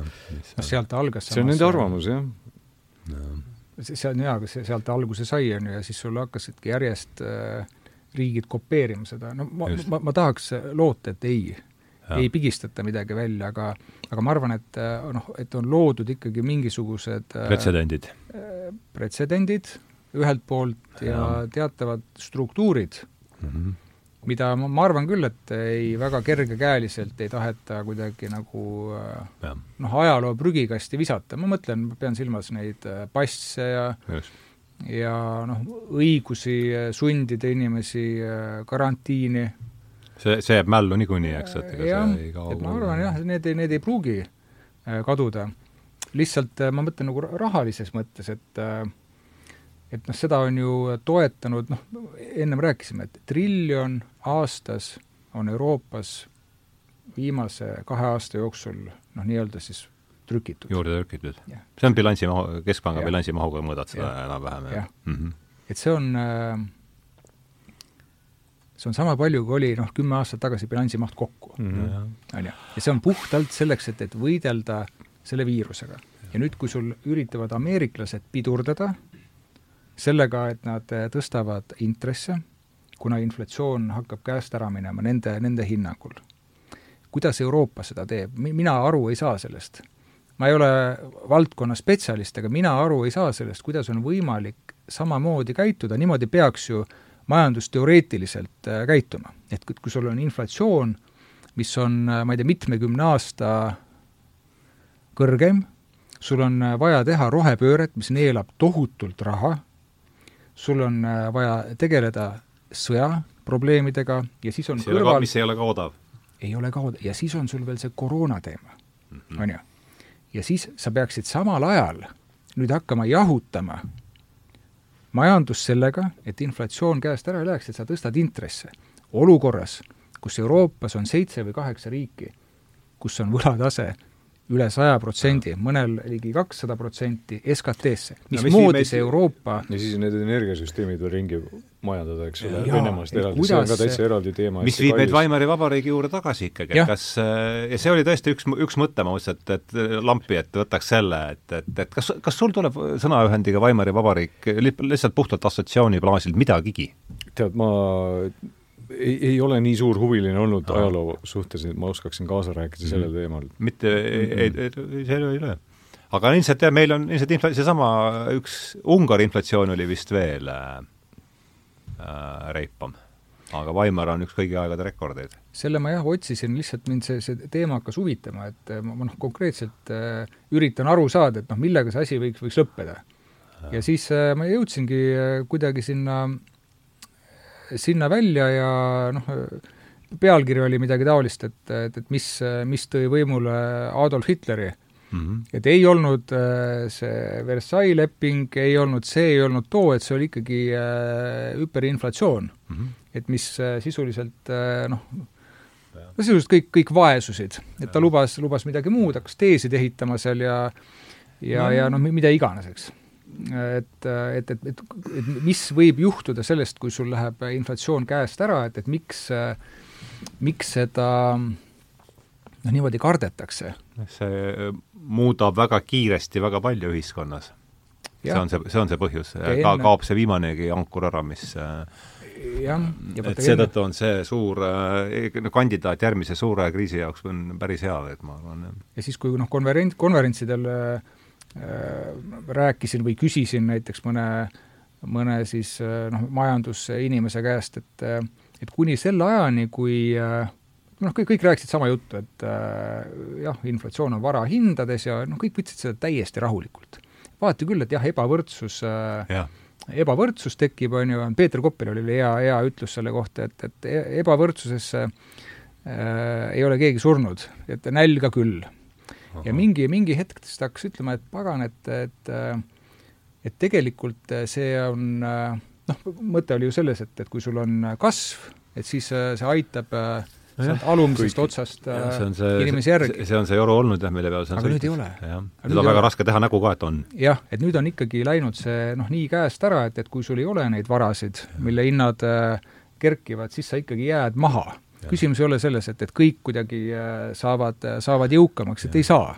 Ja kui sind veel tänitatakse ka siin telekast ette taha, et ei ole piisavalt progressiivne, siis pole ime, et juhtuvad seal Brexitid ja Trumpid ja, ja, ja ju neid hakkab siin veel juhtuma rohkem, ma, ma, ma kipun, kipun pigem arvama selles suunas. või noh, tähendab, äh, paneks raha pigem selle peale. jah, ja nüüd noh, mõtlemegi, et kui see, see tundus, et äh, et on noh, päris suur ebavõrdsus mm. -hmm. juba sellega, et, et sul on äh, selline varahindade ja. äh, noh, paisumine siis. ja nüüd me räägime konkreetselt ikkagi tarbijahindade mm -hmm. inflatsioonist, mis on reaalne oli... maks ju ja, ja mitte väike. mitte väike maks. aga kas te näete siis seda, et kui ütleme, need, kellel ei ole, need jäävad aina kaugemale maha nendest, kellel on ja nende mass suureneb, et ühel hetkel noh, et üks selline must luik võib olla ka selline poliitiline, revolutsiooniline ja. tegur. ja see, miks, miks ma Weimari Vabariigi juurde viin selle jutu, seesama Hugo Stinnes oli neil vist, kui ma õigesti mäletan, rahandus, ei tema oli tööstus, mingid tallised tööstur ja ühesõnaga seal ja ma ütlesin, et selles olukorras on meil praegu kaks võimalust, et kas inflatsioon või revolutsioon ja tema eelistab pigem selles olukorras inflatsiooni, no need on need ja ma arvan, et eks ta kes see oli siis? Hugo Stinnes oli minu meelest, ma lugesin tast Niall Ferguson tsiteeritud kusagil. ma usun küll, et see mul on õigesti meeles, see nimi. ja ta oli mingi saksa tööstur ja vist oli ka minister, no ühesõnaga seal asetatud mm -hmm. mängijad mm. -hmm. siis peab vaatama ka, et kuhu ühiskonda see revolutsioon justkui nagu sobiks, eks ole, et, et on, ma arvan, nagu meile ta nagu ei sobi, et et meie oleme ju just sellised, et me võime nagu vaesed olla, me ei hakka revolutsiooni selle peale korraldama, et et, et kust ta siis peaks tulema, Saksamaalt, Prantsusmaalt, USA-st, et no aga Prantsusmaal on need kollased vestid on minu meelest juba ju ikka tükk noh no siis see on Prantsusmaa Prants- vaata sedasama Kanada, Kanada veoautojuhtide lugu, see kõige, igal pool ikkagi ta asi, asi ikkagi, no kas igal pool, aga mm -hmm. võib vist ikkagi öelda, et ikka igal pool on see asi, noh, käärib. jaa, aga noh, noh ikkagi need, see, see, see käärimine oli ta oli ikkagi adresseeritud äh, millegi muu vastu, et, et ma arvan, et see inflatsioon, ta pole kohale jõudnudki veel. ei, see mitte, jah. see hakkab see hakkab jõudma, jah. mulle, mulle tundub, et see hakkab jõudma ja mulle, noh, mina äh, ma ütlen, eks, eks ma räägin veel inimestega ja üritan aru saada sellest, aga, aga mul on, praegu on küll noh, küsimusi on rohkem kui, kui vastuseid, et, et mismoodi kõik see olukord nagu välja mängib, et noh, oletame, tuleb sügis, mitte oletame, aga sügis tuleb nagunii, aga oletame, et siis noh, konkreetselt keeratakse mingisuguseid gaasikraane kinni.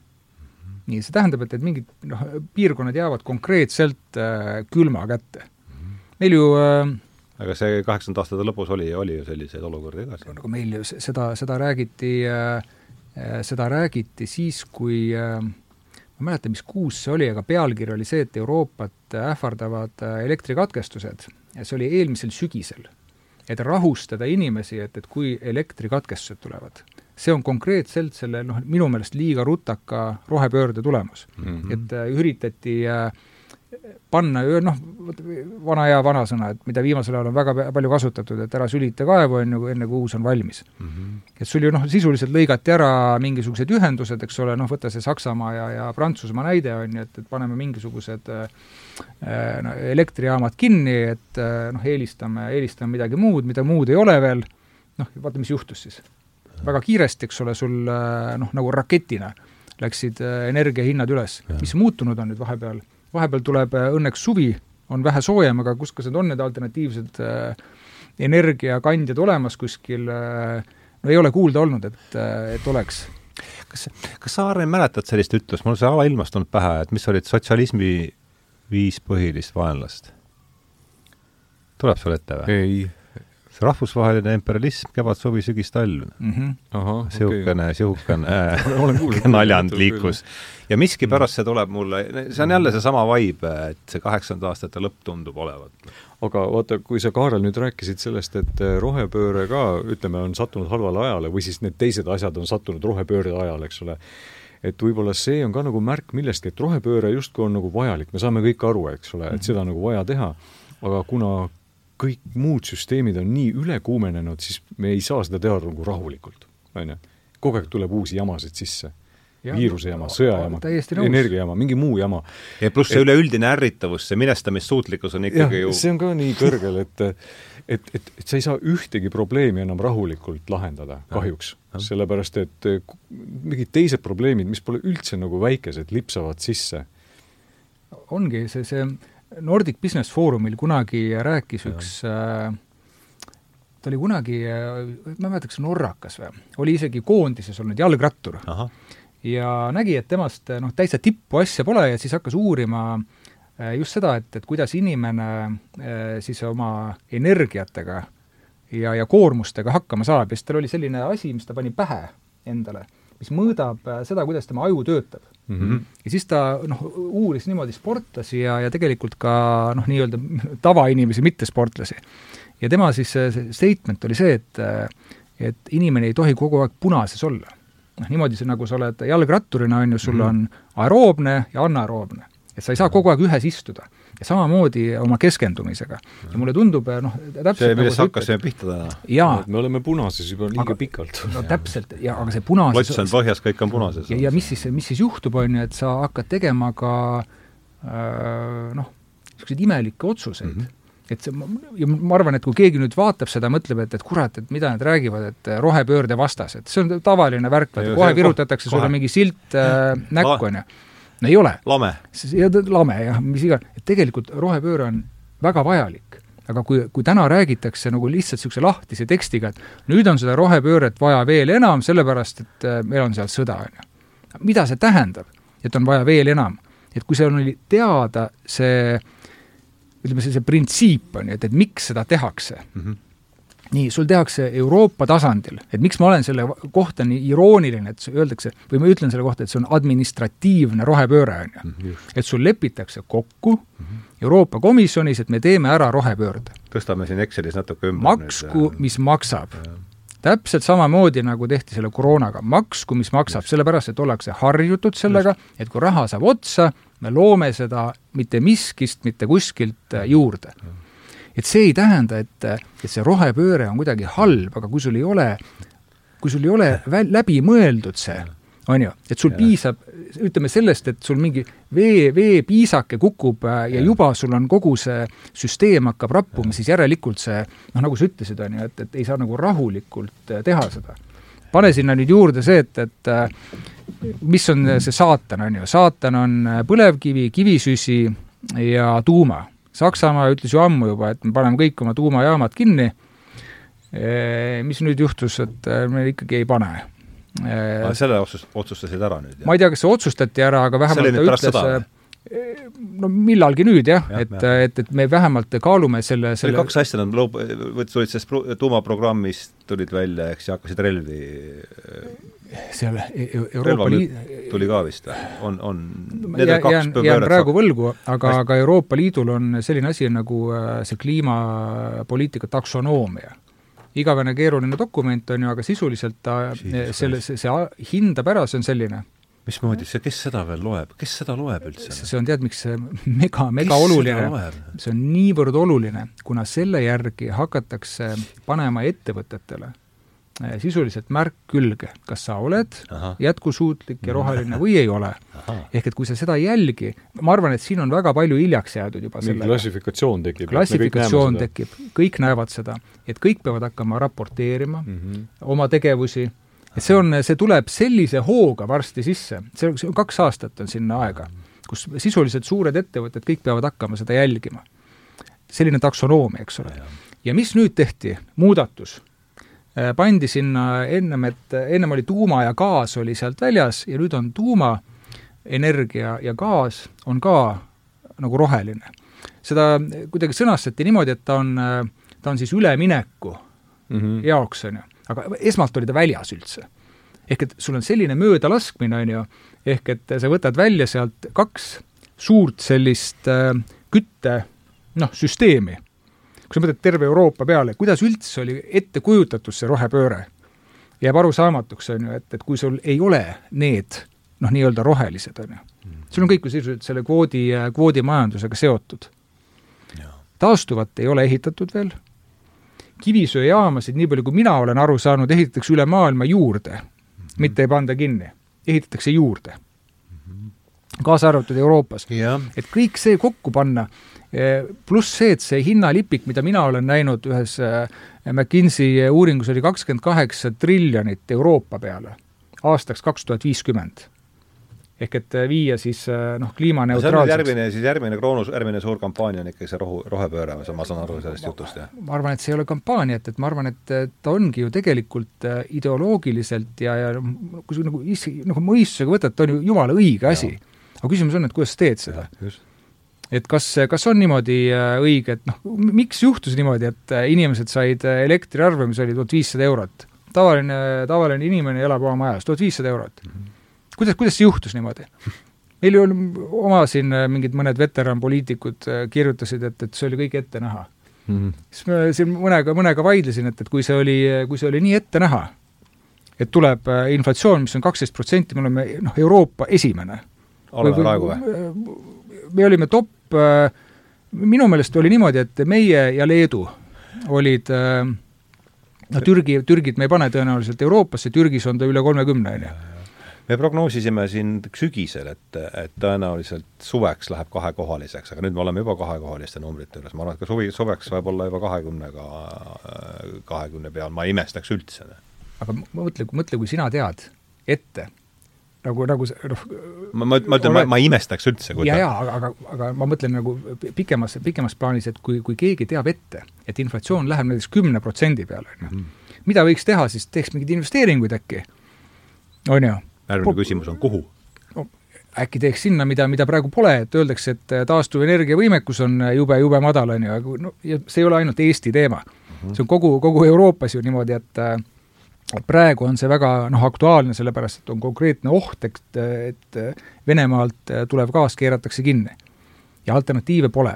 kas seda on, nad on siin mingi jutt käinud, et nad müüvad, tahavad müüa ainult rublades, kas sellest on üldse keegi kuulnud või mis see tähendab või mis? minu arust see oli bluff ja, ja, ja, ja see on juba nagu enam-vähem tagasi võetud, et äh, minu arust Saksamaa vastas sellele jäigalt, üllatavalt jäigalt, et come on, et siis ei osta sult keegi seda gaasi ja mm, -hmm. ja siis võeti see tagasi ma eile nägin ka, oli, oli uudistes, oli mm, -hmm. aga noh, mis sellest saab, kurat teab seda ei tea, jah. seal on ka kõik nii piiri peal, et ega see sõda ei lähe ju nii nagu plaani järgi, vaid no just nimelt, ega sa ei tea, ma olen ka mõelnud, et kumb, et milline, no et mihu, mihuke, mihuke kivi siin nüüd esimesena kukub, aga et ega seda ei äh, ja ega me seda ära ei arvagi. noh, Venemaa on muidugi hea kandidaat praegu. aga ega USA, ma arvan, ei ole ka palju palju, ma, ma kujutan, mis aastal see hakkas, kui hakkas see märul seal, see oli eelmise aasta alguses või ikka, see oli kaks tuhat üks alguses, kui olid need Kapitooliumil see mm -hmm. mürgel käis mm. -hmm.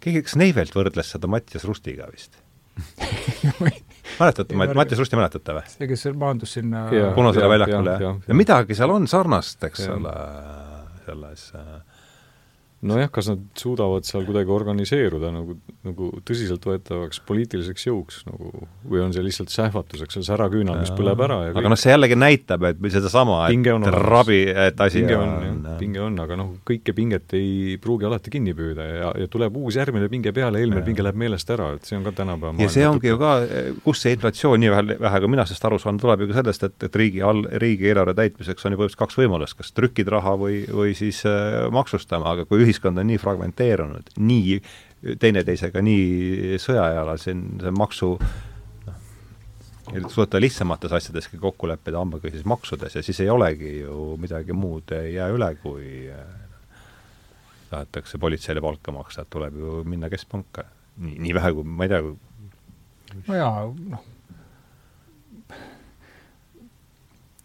ma ei mäleta, palju Eestil, Eestil on äh, see riigi võlatase, aga no ma aga... rääkisin USA-st. jaa, no ma lä-, läheks sealt lihtsalt edasi, et, et noh, meil on sisuliselt iga, iga valimiste juures on seesama teema ju mm. -hmm. noh, praegu on samamoodi ju, tehakse ettepanekuid, et me peaks laenama raha selleks, et äh, maksta nendele, nendele, nendele palka, on ju mhm. ja no ma ei hakka üldse sinna, sinna teemasse minema, aga lihtsalt, lihtsalt mõeldes, et, et meil on olnud Euroopa kõige madalam äh, võlatase. noh, vist kogu algusest, algusest saadik, on ju et meil on, äh, meil on teada, et Eurotsoonil on ta ligemale sada prossa mm. -hmm. nii palju, kui äh, siis tsoon toodab või kui majandus kasvab, nii palju on, äh, on võlatase. Eestil on viis korda madalam mm. -hmm. nii. teame, et intressid on olnud väga madalad, keegi nüüd nägi inflatsiooni ette ka no, huumoriga pooleks, on ju, aga selliseid investeeringuid, kas me räägime sellest rohepöördest või me räägime mingisugustest muudest sellistest struktuursetest asjadest, ei ole tehtud, sellepärast et on olnud äh, ja on siiamaani selline väga noh, jäik arusaam minu arvates sellest, et milline on see korras riigi rahandus. ja ta võis olla kunagi, ta võis olla Need olid hoopis teised õpikud.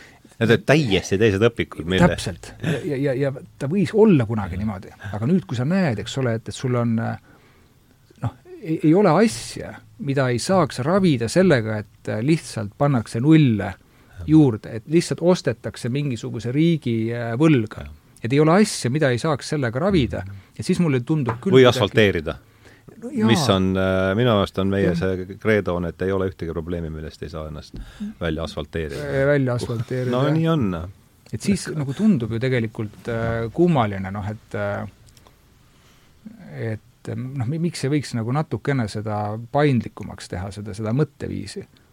Kaks tuhat kakskümmend äh, alguses või kevadel, äh, siis kui algas see koroona, siis Ray Dalio, suure hedgefondi juht, on ju, kes ütles kunagi kaks tuhat üheksateist, mhm. et süsteem on katki ja maailm on hulluks läinud. seda mm -hmm. ma mhm. kasutasin ka siin oma investeerimisteemadel, et noh, tema pidas silmas just neid ettevõtteid, kellest me oleme rääkinud, kes suurt midagi ei tee. või vähemalt kasumit ei teeni. Aga kuhu, kuhu noh, tohutult raha läheb sisse, siis ta ütles, et et nad müüvad ainult õhku.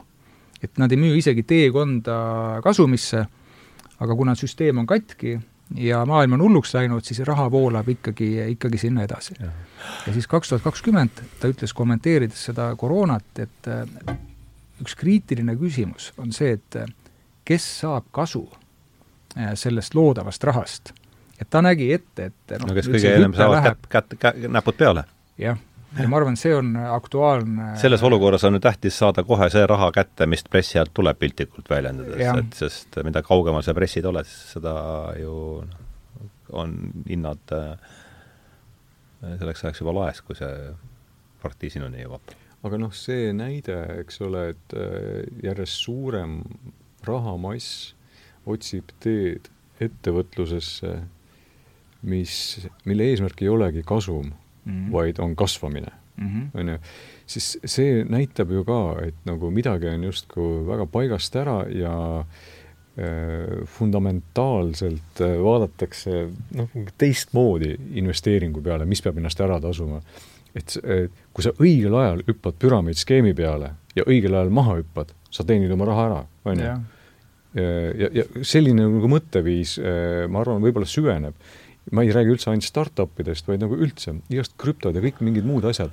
et rong kihutab täiega. ja, ja et noh, sa pead lihtsalt maha hüppama, enne kui ta nagu klots on põhjas ja kõik on punases. vastu seina sõidab, eks ole, sest et seal on nagu, võib-olla on tunnel, aga võib-olla on keegi lihtsalt musta värviga värvinud kivi seina peale nagu sellise augu, on ju.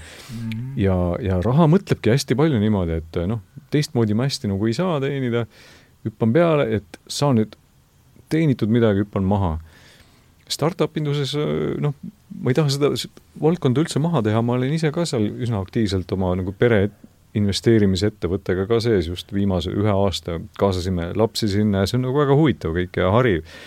aga, aga paljud äh, noored startup'ijad ütlevad seda nagu ausalt välja, et, et see mõtlemine ongi niimoodi, kasvada, kasvada, kasvada ja siis hüpata maha. On ju, rahad taskud täis mm. -hmm. ja see ongi plaan. mõte ei ole halb. ja, ja, ja, ja sa pead lihtsalt leidma kogu aeg investoreid, kelle esimese kolme küsimuse hulgas ei ole sellist, et millal te pappi hakkate teenima, vaid mingid muud küsimused.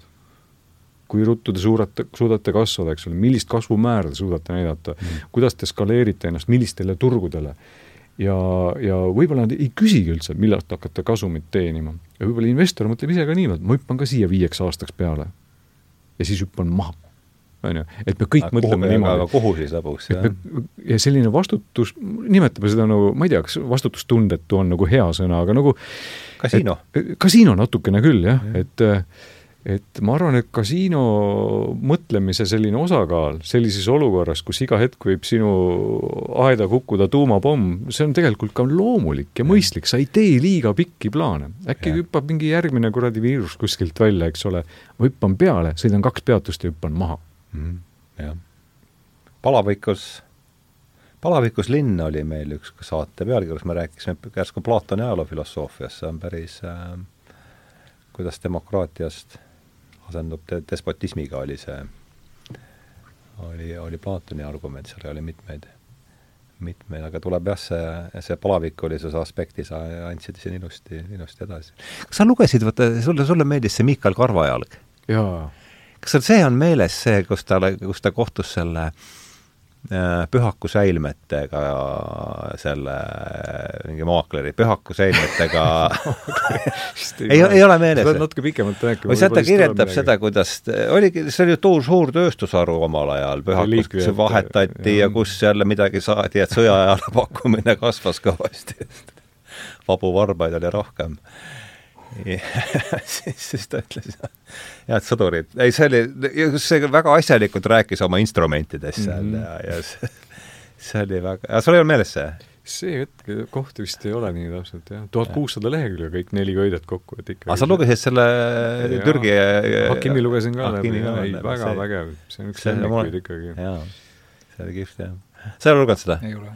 ja niisugune üks mõte, mis on siit ka mitu korda läbi käinud, et see sa ikkagi lähimat paralleeli praegu õues toimuvale ma otsiks sealt mm. -hmm. Kogu aeg tunned, et tegelikult äh, tuttavas maailmas kohad reformatsioon just nimelt, see ikkagi fundamenta-, ikkagi mingi niisugune sedalaadi pööre tundub olevat minu arvates praegu. aga noh, jällegi, kes see vist ongi selle Valdari nagu selline üks põhilisi fenomene ka, et ta jutustab nendest vanadest aegadest niimoodi, et ja. me tunneme, et aa, kuule, see puudutab tohutult meid ka praegu, et ükskõik mis aja ta võtab sealt Egiptusest midagi või, või selle sinuga lugesid ka, jah? ja, ja, ja isegi midagi olen veel lugenud. enne nüüd seda, kui sa lugesid seda Karvajalga või? jaa, ikka palju enne, jah. ja Karvajalg oli kihvt, jah? jah, ta on ikka nagu seiklus ka samal ajal. jaa, jaa, korralik seiklus ka, ikka ja, ja see oli äge. peab lugema. jaa, see, ütleme, selle reformatsiooni aja atmosfääri adumiseks oli ikka väga mm -hmm. Ja ta on ju hea hästi ladusa, ladusa jutuga. mäletan, kui nad, tal on see, kaasas on sõjasulane Anti kes on eh, niimoodi ega üldse klaasi sisse ei, ei sülita ja siis ta mitu korda seletab, kuidas ta ikka jätab joomise maha seal äramates ka korduvalt ja ja vaata siis, kui nad satuvad türklaste kätte sealt hakkavad, kus nad hakkavad sõitma Veneetsiast, sõidavad Konstantinoopoli või kuhu nad lähevad? jaa, ta, kogu see teine osa, ta oli ju seal sultani, sultanaadis töötas. jaa, aga siis, kui nad türklaste kätte vangi langevad, siis rivistatakse üles Anti saadakse ka sealt alt kusagil trümmist kätte et nüüd tuleb moslemi ostu ask-, askuda ja siis ta oli kohe nõus, et et ta on kuulnud, et sultan või Allah ei luba veini juua ja tal on niikuinii see plaan, et ta enam kunagi ei joo ja sobib, jah? ja läks siis kohe sinna. ei, see on jah, see on võib-olla jah, üks hea soovitus, kuidas praegustest aegadest sotti saada, on tõesti lugeda Miikal Karvajalga, ma arvan, et siin me oleme mm -hmm. sellest võiks täitsa, tule, sellest võiks eraldi saate teha lausa. jah, no peab meelde tuletama, aastaid juba möödas. millal Aga... lugesid? no siis, kui sa soovitasid, ma sinu ah, käest kuulsin seda soovituse, ma ei tea, viis aastat tagasi või midagi taolist, millal isegi hankisin need kuskilt, neid ei olnud niisama lihtne nüüd on uues trükis ju? jaa, aga, aga ma lugesin siis enne seda ja, ja ma ikkagi ostsin, et nad on mul olemas no aga seda võiks sealsamas satsis äh, millalgi ju no ma pean ostma, on... sain hea idee. ta on hea, ega ta, ega ta ei ole väike, ta on päris korral-, no mis sa ütlesid, tuhat kuussada lehekülge kokku või? neli köidet, jah. kokku on ikka päris palju. ma hakkan algusest, algusest kerima ei, ta on hea jah, tal on ikka, ta kohtub seal kelle, Tiitsianiga saab ta kokku, Lut-, kas ta Lut-, ei ei, ta Luteriga saab ka kokku. minu arust saab küll, jah. jaa, Luteriga saab ka konkreetne kokku. sultan oli, kelle juures ta seal töötab seal teises pooles ja jaa, no vot siis, kus me välja jõudsime. et äh, jah, Miga Valdari. ma käisin jah, ta sajaaastane, isegi sajaaastasel näit-, saja aasta sünni, sünnipäevale pühendatud näitus oli siin seda veel viimaks muuseas, ma vaatan seda, mis sa jagasid äh, ja see Eisensteini pilt vaatab siin vastu. Äh, vaata, tal oli üks hea selline noh, video või vaata, kus ta räägib peale, oli mm -hmm. progressist.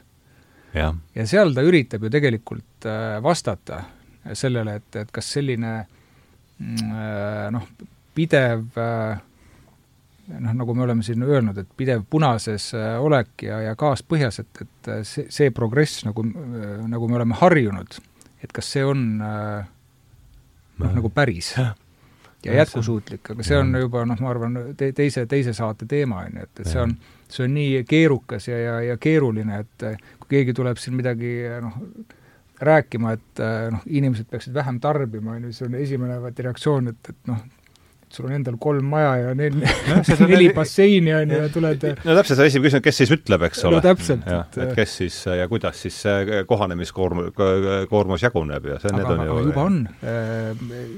just enne, enne seda saadet vaatasin, et äh, Saksamaal on kliimaminister äh, pöördus äh, elanike poole, et tarbige vähem.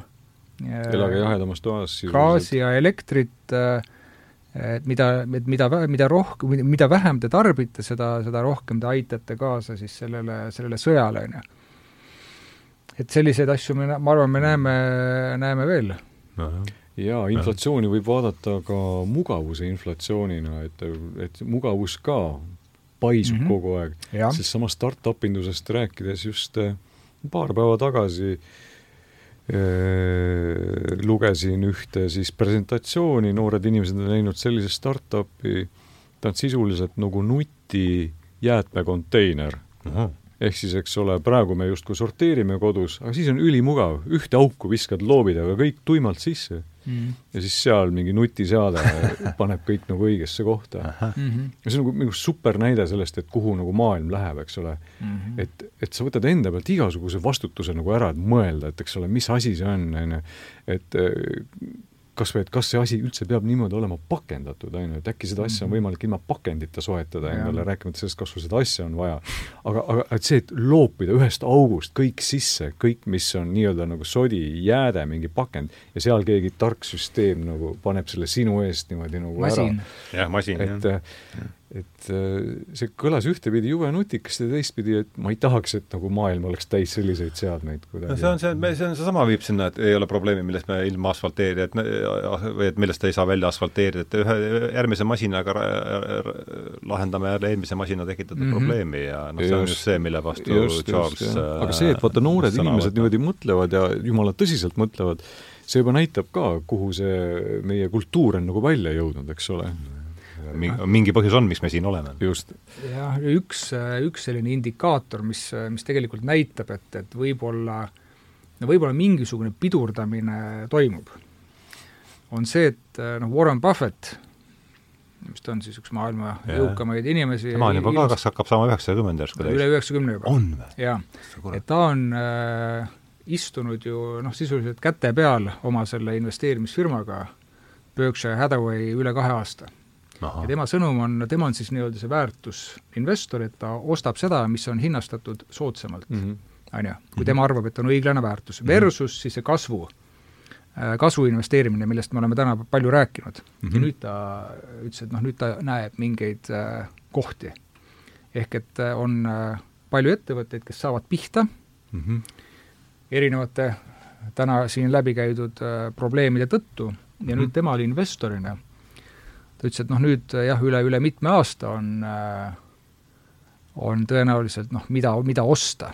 et mida ta on, vaata sa küsisid, et mis need PE suhted on olnud mm, -hmm. ta on öelnud jah, et, et see oli enne, enne koroonat juba, ta ütles, et mõttetult äh, üle, ülehinnatud on äh, ettevõte kui sa ütled, et ta käis kaks aastat käte peal, siis et nagu ei teinud midagi? istus, istus käte midagi, peal, et, et lihtsalt mm -hmm. see rahahunnik tal kasvas kogu aeg, sularahahunnik, investorid küsisid, et noh, et, et äkki vanamees hakkab nagu väsima või ei saa enam aru, eks ei saa enam aru jah, et, et miks ta, miks ta ei osta seda või teist, on ju, siis ta noh, nüüd, noh nüüd on, ma ise, ise oman juhtumisi seda, seda ettevõtet äh, portfellis, et noh, see on Aha. nüüd läinud, ta, kusjuures huvitav on see, et ta eriti Warreni puhve-, seda Buffetti puhvetit siis? jah ja ta eriti midagi ei ole veel ostnud, ta on mingeid signaale andnud, noh mingi et rahustamiseks. jaa, ja, ja noh, ta midagi on ostnud, aga põhimõtteliselt juba see, et et va-, vana nüüd näeb, et, et nüüd hakkab midagi toimuma turul, et see on tal aktsia hinda ikkagi nagu korralikult äh, üles ajanud juba, et noh, justkui nagu oodatakse, et, et ilmselt mingisugune kerge rahu ostad nagu narratiivi, eks ole, et, et tema ja. seda lugu, tema arusaamist, tema niisugust nagu ja. plaani nii-öelda.